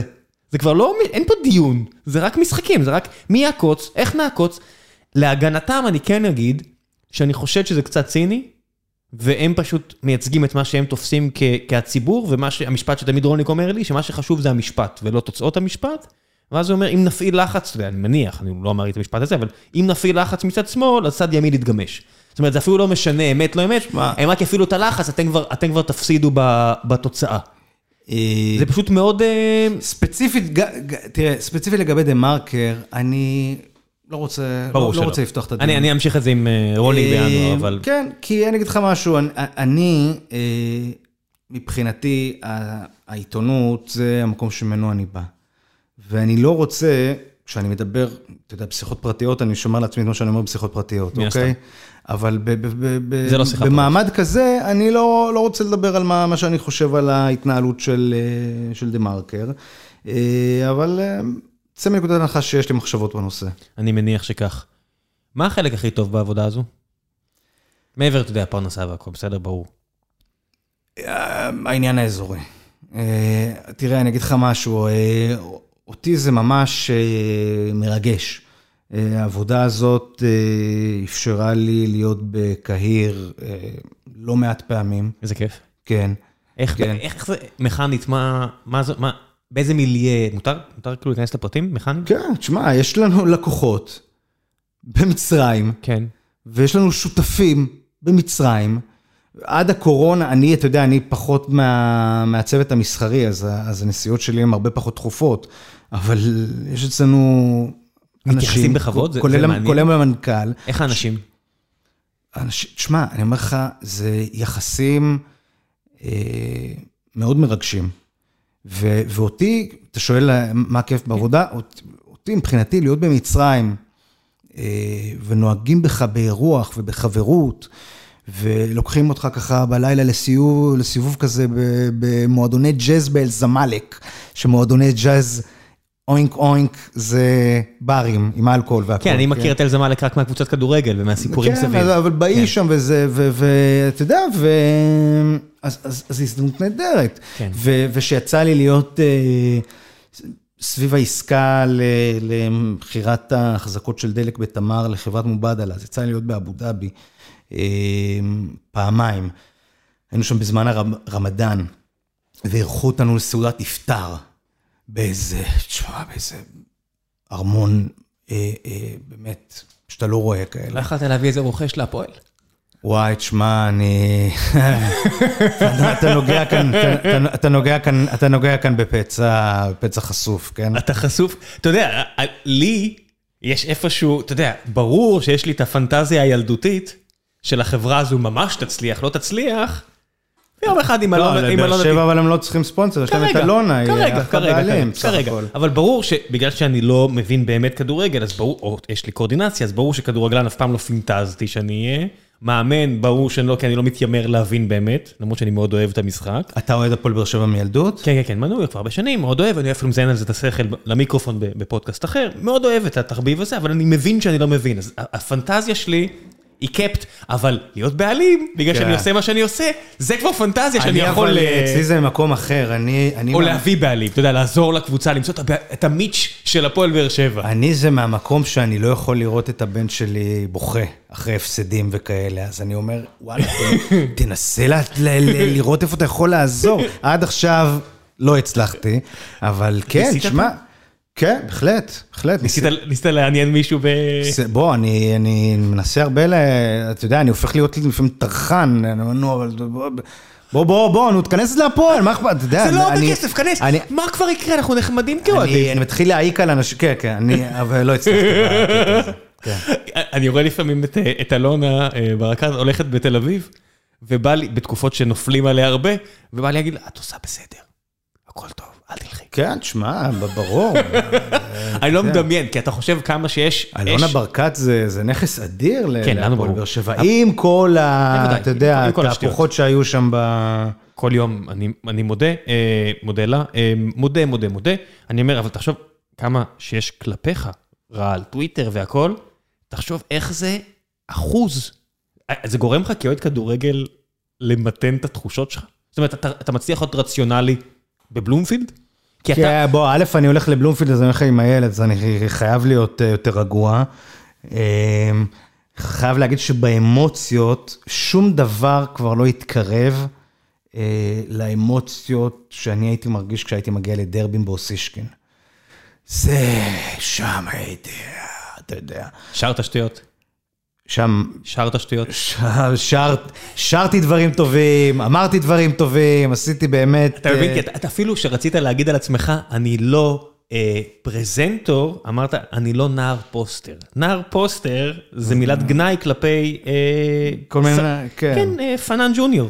בוא נגיד את האמת, שאוהדי אה, הפועל... לא, לא, לא, לא, לא, לא. לא, לא, לא, לא על פנן אה, סיניור ג'וניור. דווקא לא, לא, לא. ספציפית פנן זה מאוד מכעיס אותי, האירועים יודע, אני יודע, האחרונים שהיו שם. אני מניח. אבל ספציפית על רגב, ודומים לו, הרי פעם במכבי, כן, נו, ברור. היה נערי פוסטר. ברור, ברור. אז המילה נער פוסטר, היא מגיעה הרי משם. דרור ברדיצ'ב. כן, שאתה אומר, אני לא נער פוסטר. זוכר דרור ברדיצ'ב? אה. איציק כהן. כן, כל ה... הבאנו מרומניה, נערי, הם, כאילו הביאו מרומניה נערי פוסטר, היוו. כן, כאלה כן. ב- באמת ב-2.25. לא, אבל אני נתתי כאן שמות שרק באמת אה, אה, ה high-end יבינו. לא, הייתי- משחק פעם פוקר עם אוהדי הפועל תל אביב. שזה נערי ו- פוסטר של מכבי בשנות ה-80. כן, עם כן, חבר'ה ש... אה, שאול- שאול אולמרט פה הוא אה, חבר הפוד וגם מישהו שהוא קרוב אליי הוא- לאורך שנים. כן. הוא- הוא לא- הוא לא טמן ידו בצלחת בלשיר שירים. כן, יודע. כן, תשמע, בוא, אני אגיד לך משהו, אני באוסישקין, אה, גם בבלומפילד, אתה יודע, שוב, עכשיו אם אני עם הילד, אז אה, באמת, למרות שגם עכשיו, מאיזה גיל התחלת ללכת איתו? אה, אני את הילד שלי התחלתי לקחת למשחקים ברגע שירדנו לליגה לאומית. אז אמרתי, זה הזמן, כי, כי עכשיו בטח תהיה עונה פחות אנשים, פחות אמוציות, יום לא, שישי ש- בצהריים. שננצח גם. עזוב את זה, גם השעות. לא משנה, אבל... לא, דווקא השעות ללכת למשחק בשלוש בצהריים ביום שישי זה לא אטרקציה גדולה, כן? אבל, אה, אבל חשבתי שזה יהיה נכון, אה, אתה יודע, להכניס אותו לקבוצה דרך הניצחונות. הוא היום אה, הרבה יותר אינטואיט ממני. אה, בסדר, נדבקים מחדש, אתה יודע, יש פה איציק שאשא שאני מקליט איתו, אז הוא בבני יהודה, הוא קורא לזה להידבק, אתה יכול, אתה יודע, הדבק מתרופף כן, כמה שנים. זה בדיוק, זה, לי, לי זה קרה, זה, אה, אני בא, בעצם מאז שהתחלתי להגיש את המטה המרכזי בערוץ 10, אז, אז, אז כבר הפסקתי לעשות מנוי, כי, כי עבדתי בשבתות, אה, ובאופן כללי זה ככה משך אותי קצת יותר אחורה, עד שעכשיו נכנסתי בחזרה בגדול, בוורסיה שלי כאבא. אתה מתגעגע לזה?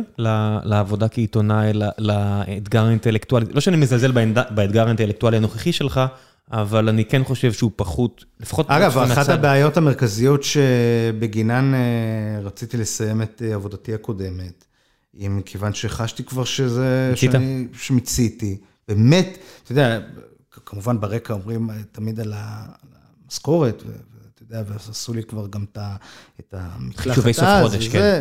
אבל, אבל, אבל אתה יודע משהו? אני פשוט אה, אה,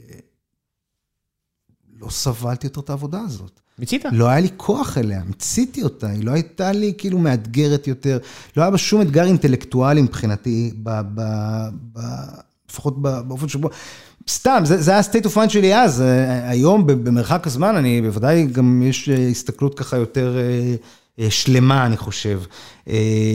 וכמובן אני מודה על כל יום שעבדתי במקצוע הזה, כן? למה להתחיל את הפודקאסט? כי... בעיקרון, כי, זה, כי אני אוהב את זה, זאת אומרת, זה, זה כיף לי, אתה מבין? זאת אומרת, זה הטוב משני העולמות? אני חושב שכן, אני חושב שכן, אני חושב שאתה יודע, לא הייתי מצפה ש... אה, לקבל אה, תוכנית אקטואליה להגיש במעמדי הנוכחי כנושא משרה בחברה ציבורית, זה באמת אה, פחות, פחות סביר. אגב, אני לא רואה שום בעיה בזה שאני עולה לפעמים לחמש דקות פרשנות בתוכנית זה אחת אקטואליה. הטענות הגדולות נגדך. כן, זה, זה גם כן טענה מצחיקה, פשוט תסתכלו על גוף הדברים ו- ותנסו בזכוכית מגדלת ווקאלית להגיד אם אתם שומעים הבדל בין איך שאני מדבר היום על פוליטיקה לאיך שדיברתי כשהייתי כתב, באמת, אני, מדבר אותו דבר, כאילו, אתה יודע, אז, אז, אז כמובן שכשרוצים אה, לטעון אז טוענים, אוקיי, בסדר. חזרה לפודקאסט, אה, אה, אה, אני, אני חושב שזה, אתה יודע, באמת מאפשר לי לעשות משהו שנחמד לי, ו, וכיף לי. אה, בצורה שהיא, אה, אני חושב, בסך הכל מאוד לגיטימית בסיטואציה שאנחנו, בטרנד הזה שאנחנו... למה אתה מתגונן? מה אתה אומר? אתה מתגונן? למה אתה מתגונן? מה זה מאוד לגיטימי? מה מה למה בכלל? לא? לגיטימי בגלל, בגלל הפלטפורמה, שהפלטפורמה היא בעצם רשתית, כן? שאנחנו, שאנחנו, אני, אני, אני לא נמצא בשום גוף שידור, לא בתאגיד ולא בגלי צה"ל, ואני נהנה מה, מהיכולת הזאת לעשות... מי מממן לו את זה? כן, אני יכול אה, לעשות אני אספר לכם, זה לא כזה יקר. לא, האמת היא שיש אה, אחלה חבר'ה, קוראים להם אה, All In, יש להם משרד פרסום שקוראים לו Down the Field. כן, הם אלה שחיברו בינינו, אז הם ביקשו שאני אזרוק איזה מילה עליכם. אה, ויש להם, מפרגן אה, להם. כן, אה, א', הם אחלה חבר'ה, ויש להם למעשה פלטפורמה שקוראים לה All In, יש שם פודקאסטים נהדרים של. יורם יובל, של פיני גרשון ונדב צאנציפר, ואני שמח להצטרף אליהם. יפה.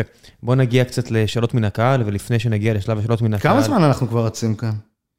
59 דקות. אוקיי. תכף, תכף. אה. תגיד לי רגע, יש לי מתנה בשבילך. אני עם אורי חסיתי שעה וחצי וכולם אומרים לי זה היה ארוך מדי.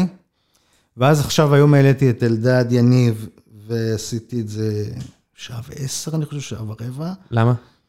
כי אני רוצה לעשות את זה יותר קצר. אני חושב שהם צודקים, שעה וחצי זה באמת קצת קשוח. לאיזו מטרה? האזנה? שמע, אתה יודע שיש לך, אתה יכול אני לראות... רוצה אה, שיאזינו. אני, לא, לא, זה, זה בסדר, זה ברור, גם אני. אה, אבל אתה יכול לראות אה, דעיכה.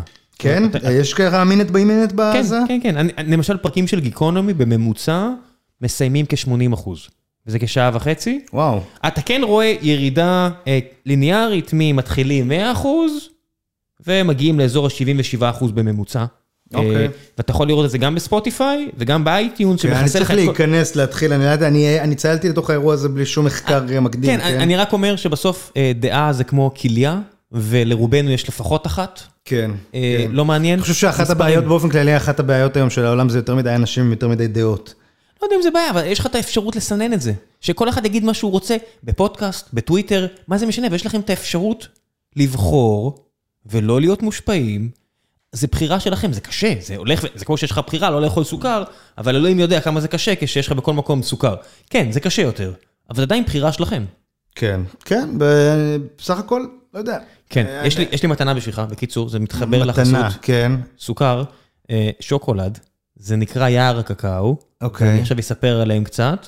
ולפני שנחזור לשלב השאלות מן הקהל, אני רוצה לספר לכם על נותני החסות שלנו, ומי שהביא את המתנה הנחמדה הזו לנדב, יער הקקאו. בוטיק השוקולד יער הקקאו הוא מפעל שהקימה בעשר אצבעות יערה קלמנוביץ', שהתארחה בפודקאסט בעבר ביופי של פרק, אני אשאיר לכם לינק. המפעל מייצר שלל מוצרי שוקולד איכותיים וטעימים בעבודת יד. אני מאוד אוהב אותם, הילד שלי מאוד אוהב אותם, זוגתי מאוד אוהבת אותם, העובדים פה בסטרים אלמנטס מאוד אוהבים את השוקולדים האלה. והכי טוב, שאפשר להזמין את זה ב-10 ביס. יש להם בוט שגם uh, מאפשר לכם בכמה קליקים לצבור את יתרת ה-10 ביס, ואפשר לנצל אותה בצורת מוצרים או סדנאות. יש להם כאמור סדנאות שוקולד חווייתיות ומקצועיות לכל הגילאים, מגיעים אליהם גם משפחות. אה, גם ילדים שנהנים מאוד, גם זוגות, גם צוותים ביום כיף.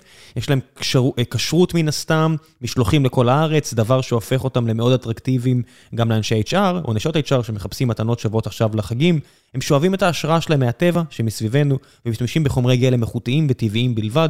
מחיות אגוזים טהרות, פירות טריים, מיובשים בהקפאה, תבלינים עזי טעם, אין צבעי מאכל, אין חומרים משמרים, והתוצאות מדברות בעד עצמן. אני מאוד מאוד ממליץ, מוצר פנטסטי, כיף לי גדול לעבוד איתם.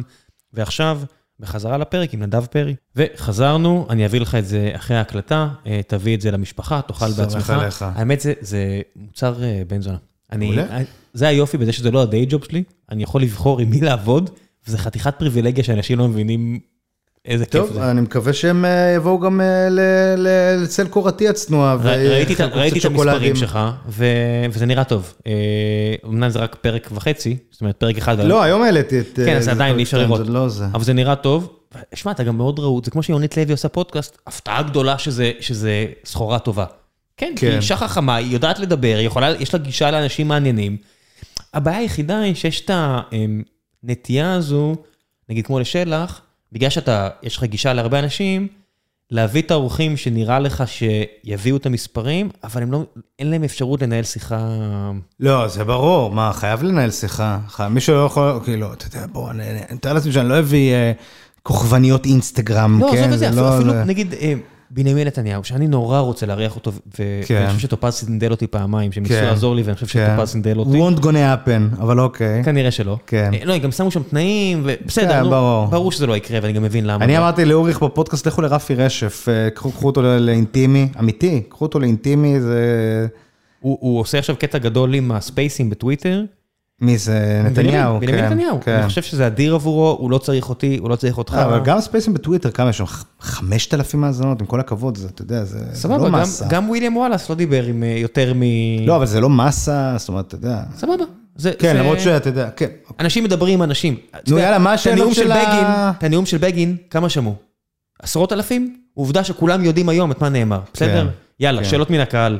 אה, אה, מתי אתה דואג שחבר שלך עמית סגל יגיע לפרק? אה, ערן שואל. אה, אליי? חשבתי... אה, אני אני אשמח שהוא יגיע. אני מעריך שזה יקרה באחד הפרקים הבאים. הוא אחלה. כן, כן, ובסך הכל אה, אני גם אני גם יצא לי אשמח לחלוק. איתו מיקרופון כן. פעם, פעמיים. תגיד לו שגם אני אשמח, אמרתי לו. אה, איך אתה חושב שתראה המערכת הפוליטית ב-2030? וואו, וואו, אתה- אתה מבין? זה בן אדם צריך לבוא ולהגיד, אין לי, באמת זה גדול עליי עכשיו לתת איזושהי תשובה אינטליגנטית. אני חושב שה... תשמע, פה, יש לך איזה יכול... אתה קולט מה עברנו כאן? באמת, זה... זאת אומרת, האירוע שאנחנו עברנו בשנתיים האלה, בעיניי הוא כל כך מכונן, הוא כל כך פיבוטלי בהשפעה שלו על הדמוקרטיה הישראלית ועל שיטת הממשל כאן. אין לי מושג לאן אנחנו הולכים. יש כאן ראש ממשלה עם שישה מנדטים. זה... אני חושב שהרבה יותר מעניין ב-2030, זה שיש ראש ממשלה לשעבר שב-2030 יהיה בן כמעט 80. וגם ברלסקוני, מה, על מי אתה מדבר? על בנימין נתניהו? נתניהו, בוודאי. נתניהו ב-2030 יהיה מעל אה, 80. הוא יליד... נולד אה, ב-49. 49. כן, אבא שלי שהוא... באוקטובר אה, 29 הוא יחגוג 80. כן, אבא שלי שהוא אה, מעריץ גדול, אה, נולד באותו יום, והוא מספר את זה לאנשים סתם ברחוב. אוקיי? אז אז אני יודע בן כמה נתניהו, וב-2030 הוא יהיה כבר לעניות דעתי, מבוגר מדי לתפקיד. לא, בקיצור, אה, לגבי השאלה איך המערכת הפוליטית תראה ב-2030, תשמע, בוא, אה, אה, להגיד איך המערכת הפוליטית תראה ב-2023 זה נראה לי אתגר. כן. רגב לרנר שואל שאל... בדרך כלל אני, יש שאלות שאני מדלג מעליהן. אוקיי. כי אני לא רואה סיבה. אבל השאלה הזאת, אני, אני אתייחס בעצמי, ואז תעשה איתה מה שאתה רוצה. טוב. קודם כל אני אתייחס אליה. רגב לרנר שואל כמה הוא מרוויח, ובדרך כלל לא הייתי מתייחס לשאלה הזאת, ואני אגיד לכם גם למה. כן. אתה אדם פרטי, נכון. זכותך להרוויח כמו שתומר אביטל, סליחה שאני קוטע אותך, כתב באוגוסט, כן, אני, אה, אני ישבתי בבית בבידוד, כן, אה, והוא, והוא אמר לי, יש לי שאילתה, אתה נפגש עם ח"כים, אמרתי לו, מה, מה, יש, היה איזה דיון בוועדת הכספים, אמרתי לו, עשיתי זום אחד עם ח"כ, אה, כי אני פשוט יושב בבית, ב, ב, אני מבודד, יש לי קורונה. אז הוא כותב, על אף שהוא חולה קורונה בבית, הוא נפגש עם ח"כים בזום, כן? אז זה פשוט, אתה יודע, אז... אז בתשובה אז הוא- לשאלה הזו, אז הוא כן. נכנס ל- למצבי הרפואי גם כן. בטוויטר, כן? אני רק רוצה להגיד- תשמע, זה, זה, כן, בתשובה אוקיי. לשאלה הזו, שאני בכוונה מתייחס אליה, אה, יש משטר תאגידי. אם היית נושא משרה שמחויב בדיווח, לפי משטר תאגידי, כי זו חברה בורסאית, כן. הייתי שואל אותך, כיוון שאתה לא, אני לא שואל אותך את זה. אם היית, הייתי אומר, לכו לבדוק. זה כמו ששואלים פה על יזמים, כמה עשית באקזיט? אם הוא מחויב להגיד, כי הוא ב- יש לו מעל אחוז מסוים או ככה, לכו לרשם החברות, תבדקו. אז, אין לי מה לשאול את זה. בוא נאמר- אם לא, אז לא. אה, אה, מי שממש אה, להוט אה, לחקור את העניין, יש לו אה, דרכים אה, מקובלות. אבל זה נראה לי פשוט סוגיה כל כך אה, מופרכת. אבל- לא, אבל- כאילו, אתה יודע, כן. אה, ערן זהבי, שמקבל על כל גול, קיבל, לא עכשיו יודע, לא, עכשיו אבל לא. סבבה, עכשיו באמת הוא, ב... עכשיו הוא גם פצוע. אוקיי, החוזה של רונלדו, בוא'נה, אתם מדברים באמת, כאילו, חד דין, זה, זה מופרך, כן? יותר משזה מופרך, זה זה חלק ממגמה. אבל תשמע, אני אומר לך, וזה חשוב לי, כן, אמרתי את זה, וזה- אני- אני ממסגר את זה בגודל הטבעי של זה. זה משהו מאוד מאוד מאוד נישתי, לא יעזור, לא יעזור. זה, זה עם נוכחות מאוד מורגשת בטוויטר, ו, ו, ובמקומות מסוימים בתקשורת, אבל, אבל זה כל כך, כאילו, אתה יודע, לא המיינסטרים. והתגובה שקיבלתי בהופעה ברוקפור של אותו בן אדם, ש, שאמר לי, כאילו, אחלה, זה, אם יש תגובות שאני מקבל, זה התגובות. כן, אה, דיברתי עם אה, הראל מרגלית, כשהוא נכנס לפוליטיקה, אה, הוא היה איזה כזה חוג בית של עשרה אנשים, הוא לא יודע מה, באיזה סיטואציה ישבתי מולו, ו... והצלחתי לעצבן אותו. שאלתי אותו שאלה, משהו על אה, אלדד יניב, אני חושב. אוקיי. והוא השתולל עליי, הוא צרח עליי מול כל האנשים, ואז הוא ביקש סליחה. כי הוא איבד, יש לו טמפר אישוס, גם לי יש. אוקיי. בסדר, אני, אני מבין לליבו. ואז ישבנו לדבר קצת, אתה יודע, לא, לא ליד כולם. והוא אמר לי כמה הוא גאה בזה שאנשים בקטמון, כשהוא מגיע עם האוטו היפה שלו, לא פותחים עליו עין, אלא באים מפרגנים, אומרים, בואנה, אחלה אוטו והכל. זה... כן, שוב, גם ההשוואה ביני לבין אראל מרגלית היא כל כך מופרכת מבחינה פיננסית, באמת, אני לא מתחיל לראות את הקצה של האלף שלו מבחינת ההון האישי, כן? אה, אז כאילו, אתה יודע, מאחל לך שלא, אתה יודע, איך תדע. מאחל מאחל, לא, יום אחד. אה, כן. רק שלא יהיה הפוך, שהוא לא יאבד את שלו. שהוא ימשיך ש- כן. כן, אה, אורי, יש פה הרבה חבר'ה שמפרגנים לך גם. אורי אומר, הרעיון עם אורי היה מעולה. האם הוא אמר לך מי המודל לחיקוי שלו ומה... מה- לא, אני שכחתי לשאול אותו בסוף ההקלטה, ו... יפה. כן, לא, לא יודע, אין לי מושג. מי באמת. המודל לחיקוי שלך כשאתה מגיע? הרי עבודה של אה, תקשורת, ובתפקיד שלך מול דלק, שאתה, יש לך הרבה ממשקים עם התקשורת. אין לי הרבה משקים עם התקשורת בכלל. אה, אמיתי. אני, אבל- אני, תקשיב, אומרים דובר של תשובה, אני לא דובר, אני, אני, לא, אני כמעט... כן, זה... לא, אמיתי, אמיתי. אני, אני, זאת אומרת, יש לי את העבודה שלי, שאותה אני עושה. אה, הממשק שלי, בוא נאמר שרוב הממשק שלי עם עיתונאים, הוא על רקע חברתי של חברים שלי, ולא על רקע מקצועי.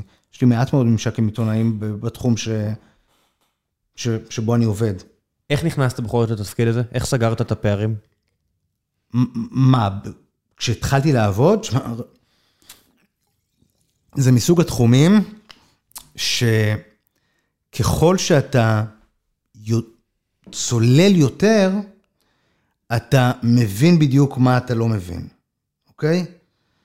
היום אני אחרי שש וחצי שנים... דאנינג קרוגר כזה. היום, אחרי שש וחצי שנים בעולם הזה של גז טבעי, אני יכול להגיד לך איזה דיסציפלינות בתוך, בתוך העולם הזה, אני, אני, אני, פחות, אני פחות שולט בהם, אני פחות חזק בהם.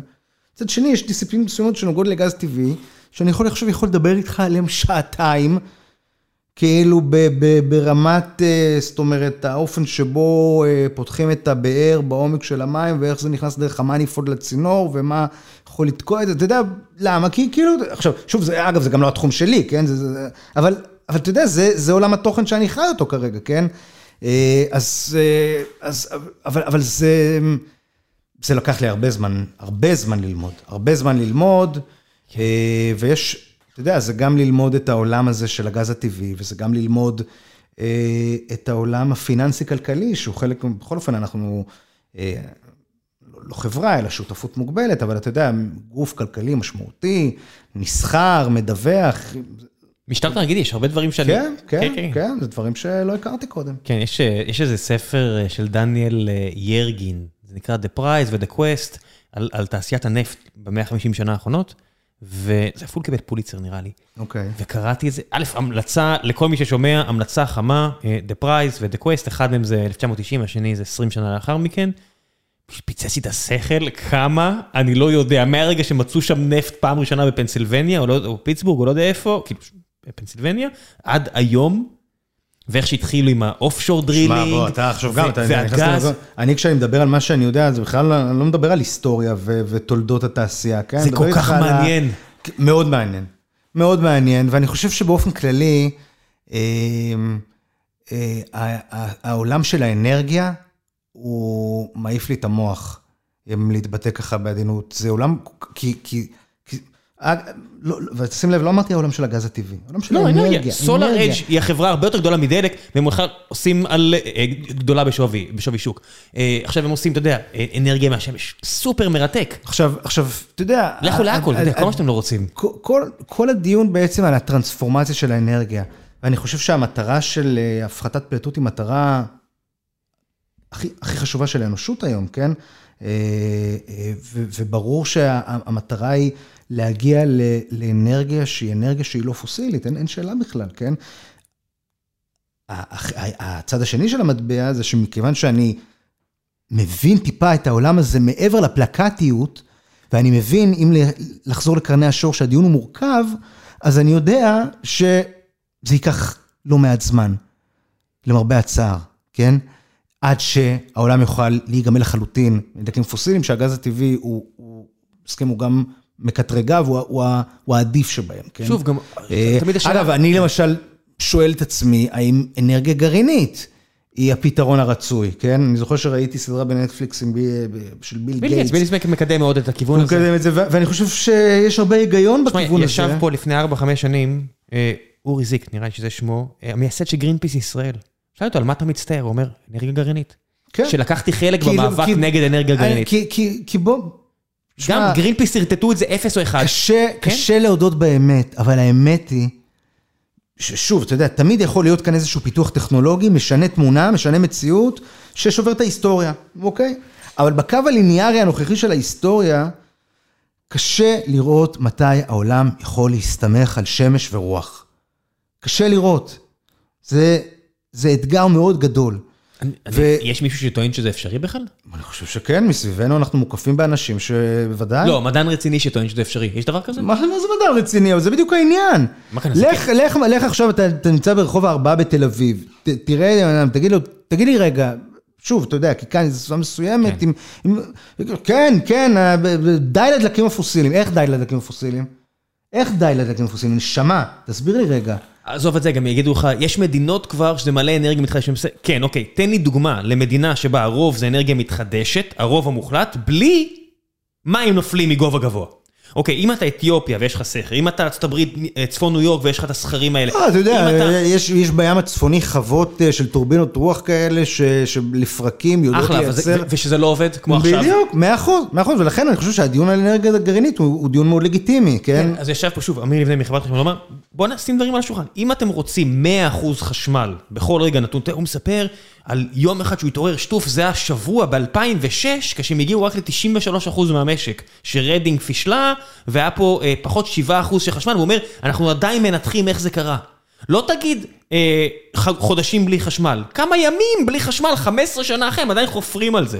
אני אומר, אם אתם לוקחים את זה כמובן מאליו, של יהיה חשמל לכולם. כל שנה זה רק עולה, עוד שלושה אחוז, עוד שלושה אחוז. כל העולם פה הולך לעבור. למכונות חשמליות, נכון? מאיפה יגיע? זה אתם בדיוק מדברים פה על- העניין, על מלא זה בדיוק חשמל. העניין, שמע, זה בדיוק העניין, מה שבדיוק קרה כאן ב-20 שניות האחרונות, זה בדיוק מה שלא קורה ב-90% מהסיקור התקשורתי של הסוגיה של האנרגיה המתחדשת קווים לדמותה, כן? זה לא קורה. זאת אומרת, לבוא ולהגיד, רגע, חבר'ה, אוקיי, אז יש לנו את, ה, את, ה, את הצד הזה, אבל, אבל יש גם עוד רובד, ובעצם יש כאן מורכבות, ו- ובעצם יש כאן סימני שאלה, ו- ו- וברגע שבו החלופה הקיימת היא לבוא ו... אה, אה, קח דוגמה, קח דוגמה. אה, על מנת שיהיה יותר אנרגיה מתחדשת בישראל, כן? חייבים לייצר עוד קווי הולכה של חשמל, עמודי חשמל כאלה מכוערים, פסים, שיודעים לקחת את החשמל שהשמש מייצרת בנגב ולהעביר אותו זה אחת למרכז הבעיות. הארץ. שלום אמסטרדמסקי כותב על זה לא מעט. למרכז הארץ. כן. עכשיו, עכשיו, מעשה שטן, מקימים כאלה עמודים מכוערים במכתש רמון, וזה נורא מכוער. ואז קמה צעקה, ואומרת, רבותיי, אתם מכערים את מכתש רמון, וזה באמת כואב הלב. אבל אלמלא העמודים האלה יבואו, לא, לא תוכל להביא את החשמל מהדרום. כן. אוקיי? גרמניה עכשיו, רצתה עכשיו, לבנות אז אומרים בצפון אפריקה, אנרגיית כן. רוח, אז, אז, אז בונים טורבינה ברמת הגולן, ואז אומרים, לא, זה, זה פוגע בציפורים. באמת זה פוגע בציפורים, אבל חבר'ה, בסוף הדיון הזה, זה, זה, אז תגידו, אנחנו רוצים לחזור לעששית. תגידו את זה ביושר. אבל אם אתם בבית לא רוצים לחזור לעששית, למה יש בעששית לא נפט? אה, אוקיי. ספציפית נפט היה פה בגלל שהיה עששיות, כן? זה בדיוק תראה, אי אפשר, אי אפשר באמת אה, אה, לאחוז במקל מכל צדדיו, כן? צריך לבוא לדיון כזה, כמו לדיונים אחרים, במידה בסיסית של יושר אינטלקטואלי. אה, יש פה הרבה אנשים שאומרים, איך אפשר שלא לחשוד במישהו שמתראיין שהמקצוע שלו זה דוברות, אז קודם כל, ושהרעיון הוא כלי לקידום מטרות ולא מקום אה, אז- כן ואישי יותר? אז, אז אה, את, ה, את השואל הנכבד, אני מפנה לאותה נקודה, אתה יכול, יש לך את הטיימליין, שבה אמרתי למה אני לא רוצה להיכנס לדיון על הגז. כן. היו פה הרבה אנשים אגב, אני חושב שזה חבל, כן? כי אני חושב באמת, סליחה, סליחה רגע שאני אומר ש, ש, שיש לי דברים ש, שאולי מעניין, בכל אופן, לה, להאזין להם לגבי המקום הזה של תעשיית הגז, זה לא ממקום בחירה שלך, קנטרני או אני- לימודי, אני כן אבל רוצה זה- לשמוע זה אותך. הבחירה שלי. אני יודע. זה נכון, וזו הבחירה שלי, מכיוון שאני יודע, יבוא אותו בן אדם, כן, שאני לא מכיר אותו, וכאילו יגיד, אז בסדר, אוקיי, אני לא רוצה להיות שם. אתה לא מכיר אותו, ו- ו- ואיזה קרוב משפחה שלך בארוחה הבאה, פשוט באתי להגיד אמא שלך, אמא שלך לא יודע מי חי, מי לא, אבל לא רוצה לפגוע, אבל אתה יודע, מישהו אומר, בארוחת פסח הבאה, למה לא ענית על השאלה שלי? אין לי כוח. כן, אה, יש פה כל מיני חבר'ה אומרים, מן הסתם לא יעניין אף אחד, אין 20 אלף אנשים יותר מעניינים, לא יודע, אני לא יודע אף פעם, אני אגיד לכם, אה, תוך כמה חודשים או שבועות, כשאני אגיד לכם איזה מקום זה ברשימת הפרקים המואזנים. אה, אתה מוזמן גם לשאול, אני אגיד לך תעדכן, כמה מעניין אתה. תעדכן בוואלה. כן, בכיף. אה, בוא נעשה שאלה אחת אחרונה וזהו. יש פה כמה חבר'ה שפרגנו לך על, זוג אופרת. אה, תודה רבה. הרבה אנשים אומרים, התוכנית הכי- שהכי חסרה לי בטלוויזיה, אה, שיעשו אותה בפודקאסט, וזה מישהו שאני חושב שאם אני מזהה את היוזרניים, לא חובב גדול. כן, כן. אוקיי, תודה. אבל אנשים מפרגנים לך על עבודתך העיתונאית. שואל פה יואב רמון, מה אתה חושב שהעתיד של חברות הגז דלק במשק עוד 30 שנה אמור... אה, זאת אומרת, האם יש לכם מחשבה כדלק לעבור לתחומים אחרים? זה משהו שאתה יכול להתעסק, להתייחס אליו? ברור, אנחנו נמצאים בדצמבר 2021, ואנחנו מבינים באיזה עולם אנחנו נמצאים. והגז הטבעי למשל, קודם כל היום, שוב, אתה יודע, אני אכנס כאן עכשיו, זה, זה, זה יטרחן, אני לא, לא רוצה, אבל, אבל כן, התשובה היא כן, ובהחלט, אנחנו כחברה ש, שמסתכלת בראייה אסטרטגית ארוכת טווח, אה, אה, רוצים להיכנס לפעילות בתחומים של, הייתי קורא לזה אנרגיה אלטרנטיבית, שהיא איננה אנרגיה שנטו כרוכה בגז טבעי. כן, הייתי מת אה, להתייחס לדברים שמעניינים אותי כלכלית, כמו ההשקעה בשדה הצפוני וכל מיני כאלה, אבל זה לא אתה, זה... זה מה, ב, ב, בים הצפוני? כן. זה קבוצת דלק, אני אני דלק קידוחים. אני יודע, בגלל זה אמרתי, אני, אני נורא כן. הייתי רוצה להיכנס, אבל זה לא אתה, נכון, וזה נכון, זה חבר'ה נכון. אחרים בקבוצה, פשוט נוס- נורא מעניין אותי איך מגיעים להחלטה הזאת, הימורים והכל, כאילו הימורים אה, כלכליים, פיננסיים, כן. אה, עסקיים, אבל זה לא אתה ואני לא הולך אה, לשאול על זה, כי זה לא פייר. המלצות, מה שבא לך, אין לי רגולציה. אז דבר ראשון, הפודקאסט שלך? כן, אמ, אני, אני, אני ממליץ להאזין לפודקאסט, כי באמת, אמ, אתה יודע, הסברתי את זה בתחילת פרק 2, אני יודע שהשם הון שלטון אה, ייצר רפלקציה, כן? אמ, ו, ובין היתר, בוא נודה על האמת. חיפשת פרובוקציה, הכל טוב. כן, זה, זה, זה השקה, זה גם, אוקיי, בסדר, עברנו את זה. רגע, עכשיו, אני, אני באמת ממליץ גם לאנשים שהם... אה, אה, לא מכירים אותי, אבל, אבל כועסים עליי שעברתי לעבוד בגז, והם כועסים עליי שאני עובד תשובה. אני אומר, אוקיי, מקובל, אני, אני, אני, אני מכבד את זה, אבל תאזינו. יש שם תוכן מעניין, אני חושב, שיחות מעניינות, זה, זה הרצון שלי. אז זה ברור שאני ממליץ, אוקיי. אה, מה עוד? ספרים, סדרות, מה שבא לך. אה, תשמע, בוא, אני עכשיו רואה היורשים ואני מאוד נהנה, מאוד נהנה. אה, באמת, כמו שלא נהניתי הרבה זמן מסדרה. אה, בדיוק אתמול סיימתי לראות עונה 2 ועכשיו אני הולך להתחיל היום בערב עונה 3. גם רולניק ממש אוהב את הסדרה ואני חושב ש... מי? רולניק, אני חושב שפודקאסט של שניכם מנתחים היורשים, בלוקבאסטר. כן, גם לא בהכרח הולך לקרות לדעתי. כנראה שלא, אבל חבל, בזבוז פוטנציאל. אני ממליץ על החוט המקשר הדי נוכח שבין הון שלטון ליורשים. כן, אה, אחלה סדרה. כן. פשוט כן. קצת, אה, אין שם רגעים של חמלה. אני אני אוהב בסדרות אה, כן, יש חמלה, ויש שם אפס חמלה. אני אבל אה, גם עכשיו נהנה לראות סיינפלד בנטפליקס. באמת? אני, מאוד נהנה. ואני הייתי חסיד גדול של סיינפלד בזמן אמת, ב nineties, הייתי אז נער, הייתי מעריץ מושבע של הסדרה. אני, אני, אני מאוד אוהב אותה, עדיין רוב עולם הרפרנסים שלי זה לארי דיוויד וסיינפלד. בדיוק. אבל בדיוק, בדיוק, לא משנה, אז, אז, אז אוקיי, אז אני גם כן אמרתי, אה, בוא, בוא, תהיה נוסטלגי, בכל אופן זה nineties, לא, לא, לא, לא, אני אומר זה מבריק, אז אני רואה את זה עכשיו, אני צוחק, אתה מבין? זה עדיין מושלם, כן, קוורקה, הכל. ואני אגיד לך כן. משהו, ג'ייסון אלכסנדר פשוט עושה, עושה שם... איציק ששו, שעושה איתי ציון שלוש, ואת אה, אה, מי שישמע, שני פודקאסטים אחרים פה, אומר שזה אחד השחקנים הכי מבוזבזים של התקופה הזו. כן, כי אתה יודע, התפקיד כן. הזה גמר לו את הקריירה. כן, קריימר וסיינפלד הרי לא יודעים לשחק, זאת אומרת, אה, אה, מייקל ריצ'רדס וג'רי סיינפלד. כן, סטנדאפיסט, הם שניהם סטנדאפיסטים, גם מייקל ריצ'רדס... כן, אמרתי, הם לא יודעים לשחק, הם לא שחקנים. כן, ו... לארי דיוויד לא יודע לשחק, אבל את הסדרה שלו... ג'וליה לואיס היא שחקנית נהדרת, והיא עשתה גם את... גם Veep וגם, כן, דברים אחרים, כל דבר שהיא באמת אדירה. כן, אבל ג'ורג' הוא מספר אחת. ללא כל ספק. כי הוא לארי דיוויד, אתה מבין? כי הוא הלב של הסדרה הזו. כי כן, יש לו שם כל מיני מימיקות שהוא יודע לעשות שהן נהדרות.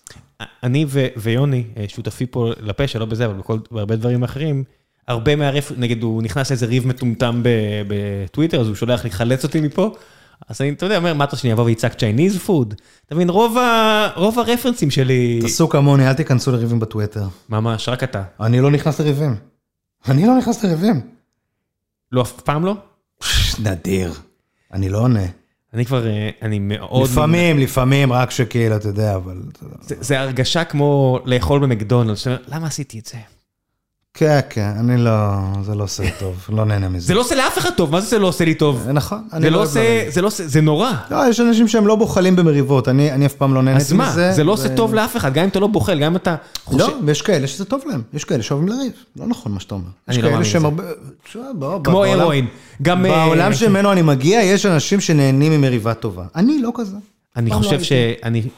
תשמע, אני משליך פה, אתה יודע, אבל אני חושב שזה לא עושה טוב לאף אחד, וגם מי שאומר... ברור שזה לא עושה טוב לאף אחד, אני, בגלל זה אני לא אוהב לריב. גם עכשיו, כל הסיפור הזה של הפודקאסט, כאילו, אתה יודע, אני כאילו, זאת אומרת, לא היה לי כוח עכשיו לכל ה... בוא, אתה... השיחות ארוכות. לא, לרפלקציה האוטומטית הזאת של... ומה אכפת לך? אתה לא חייב לתת איזה דין וחשבון. אני לא נותן איזה דין וחשבון. עובדה שאני עשיתי את הפודקאסט הזה, עובדה שאני כאן, נכון? אבל אין לי כוח לזה, לא נהנה מזה, זה לא כיף לי. כן, אבל זה גם... לא כיף לי. אני גם בן אדם פרטי, אתה מבין? אני כבר fucking, סליחה על הביטוי, למעלה משש וחצי שנים לא בתחום. למה, עיתונאי זה לא אדם פרטי? עיתונאי זה אדם פחות פרטי. אוקיי? עיתונאי, לא. זה אדם, בוא, אני, אני, אני אה, כמגיש וכתב בערוץ 10, הרגשתי שאני צריך לתת דין וחשבון. בהחלט, חד לא, משמעית. זה, זה לא פיקציה? בעיניי לא, ייתכן מאוד שזה פיקציה. אני, אני, אני, אני החלתי על עצמי, אה, אה, אני החלתי על עצמי סטנדרטים כעיתונאי אה, של אה, בן אדם שצריך לדפוק חשבון. שש וחצי שנים אחרי זה, כשאתה בן אדם פרטי, ועכשיו לעשות את הפודקאסט, שאני עושה אותו מה- מבחירה כמובן, מהנאה והכול, אבל ידעתי מה יגיע, לא היה לי כוח לזה, אני לא נהנה מזה. אבל אה, בסדר, אתה יודע, אדם צריך לפעמים, אחת לכמה זמן לעצבן קצת את הטוויטר. כן, עוד לא מכיר שלנו, תחשוב מה הם היו עושים בטוויטר עם... אה, כן, כן. טוב, בן אדם, תודה רבה רבה שבאת. תודה ראם. המון המון מה, בהצלחה. כמה זמן אנחנו? אה, שעה וחצי כמעט. אתה רוצה שניתן לך סטטיסטיקות, כמה הגיעו עד הסוף, כמה... ברור, אתן. ברור. אבל כמה- כמה זמן צריך כדי אה, לקבל איזושהי תמונה מהימנה? פרק ממוצע בגיקונומי מגיע ל-12,000 הורדות, אני לא אגיד מאזינים כי זה לא אותו דבר. אה, אוקיי. אה, מה אה, זאת אומרת, אם מישהו עושה פליי אז הוא לא נספר? מספר. אבל זה לא הורדה. כן, אבל יכול להיות שאתה שומע משתי מקורות שונים, אני לא רוצה, כי זה נושא גם קונטרוורשל. אוקיי. פרקים הכי מואזנים, מלבד אאוטליירים פסיכיים של אה, כל מיני אה, חוקרים כאלה ואחרים שהגיעו ליוטיוב, אז יש שם 100 אלף האזנות, אז זה 25-30 אלף האזנות. הממוצע הוא 12, זאת אומרת, ועם שונות יחסית נמוכה. מתוך ה-12 אלף, אה, בשבוע הראשון בממוצע כבר 7,000, חודש ראשון בממוצע 9,000, ואז זה מטפטף לכיוון ה-12 אלף. הפרק שלך, בגלל שאני עושה את זה כבר לא מעט, וזה כבר כמעט פרק 500, אז יש לי אמת מידה יחסית לא רעה, יגיע לאזור ה-17-18 אלף האזנות. כי זה מה יש. לך יש פוטנציאלי הרבה יותר. הפ- הפ- הפודקאסט שלך אמור להגיע ליותר, אבל ייקח לזה זמן. כן. אל תתייאש. כן, כן. בסדר, אנחנו אחד כאן, אנחנו כאן. כן, זה, זה, זה אחד הדברים שהכי מייאשים אנשים שעושים את המשחק הזה, זה שאין גדילה אקספוננציאלית, כי זה מאוד תלוי. לא, ההפך, אני הייתי מוטרד מזה שבגלל שהתחלתי כזה ברעש, ומן הסתם אי אפשר להחזיק רעש לתקופה ארוכה, אז התחלתי מהכי מהר, ולאט לאט אני לא אתגבר על הזה. כי זה, כי זה אקספוננציאלי. מה אז זה אומר? הסביר לי גם איתמר. אז למה? כי אנשים נרשמים, כן. נגיד שלח לי הודעה, אה, מישהו אמר לי, תקשיב, גיליתי את הפודקאסט שלך, שמעתי 100 פרקים בחודש האחרון, אני עושה כזה, "אה, אה, אחי, זה מלא שעות. והוא אומר, לא, לא, אני באטרף, אבל יש לו 100 האזנות עכשיו בחודש, אז יש חודשים של רבע, הממוצע, רבע מיליון האזנות, למרות שהפרקים הם רק 12,000, איך זה קורה? כי יש לך פתאום בן אדם, שעכשיו מאזין ברור. 150 פרקים אחורה. כן. אז זה הקטע, אבל fuck it, תעשה, תהנה, שיהיה לך ברור, כיף. ברור, זה העניין. זה העניין. יש גם ימים מסריחים, שפתאום אני יושב לשיחה, אתה יודע, אנחנו כבר פה כמעט עשר בערב, כן, עדיין לא ראיתי משפחה שלי מאיזה כן. שבע וחצי הבוקר, שמונה, ששמתי את הילד בגן, היה לי עכשיו כיף לדבר איתך. זה לסיים את היום בכיף, נכון, כי זה כיף נכון. לשוחח. נכון, כן. נכון. זה, כן. זה הכיף שלי. אז הצטרפתי למשוחחים. יאללה, שיהיה המון בהצלחה. תודה ראם, היה כיף. ביי.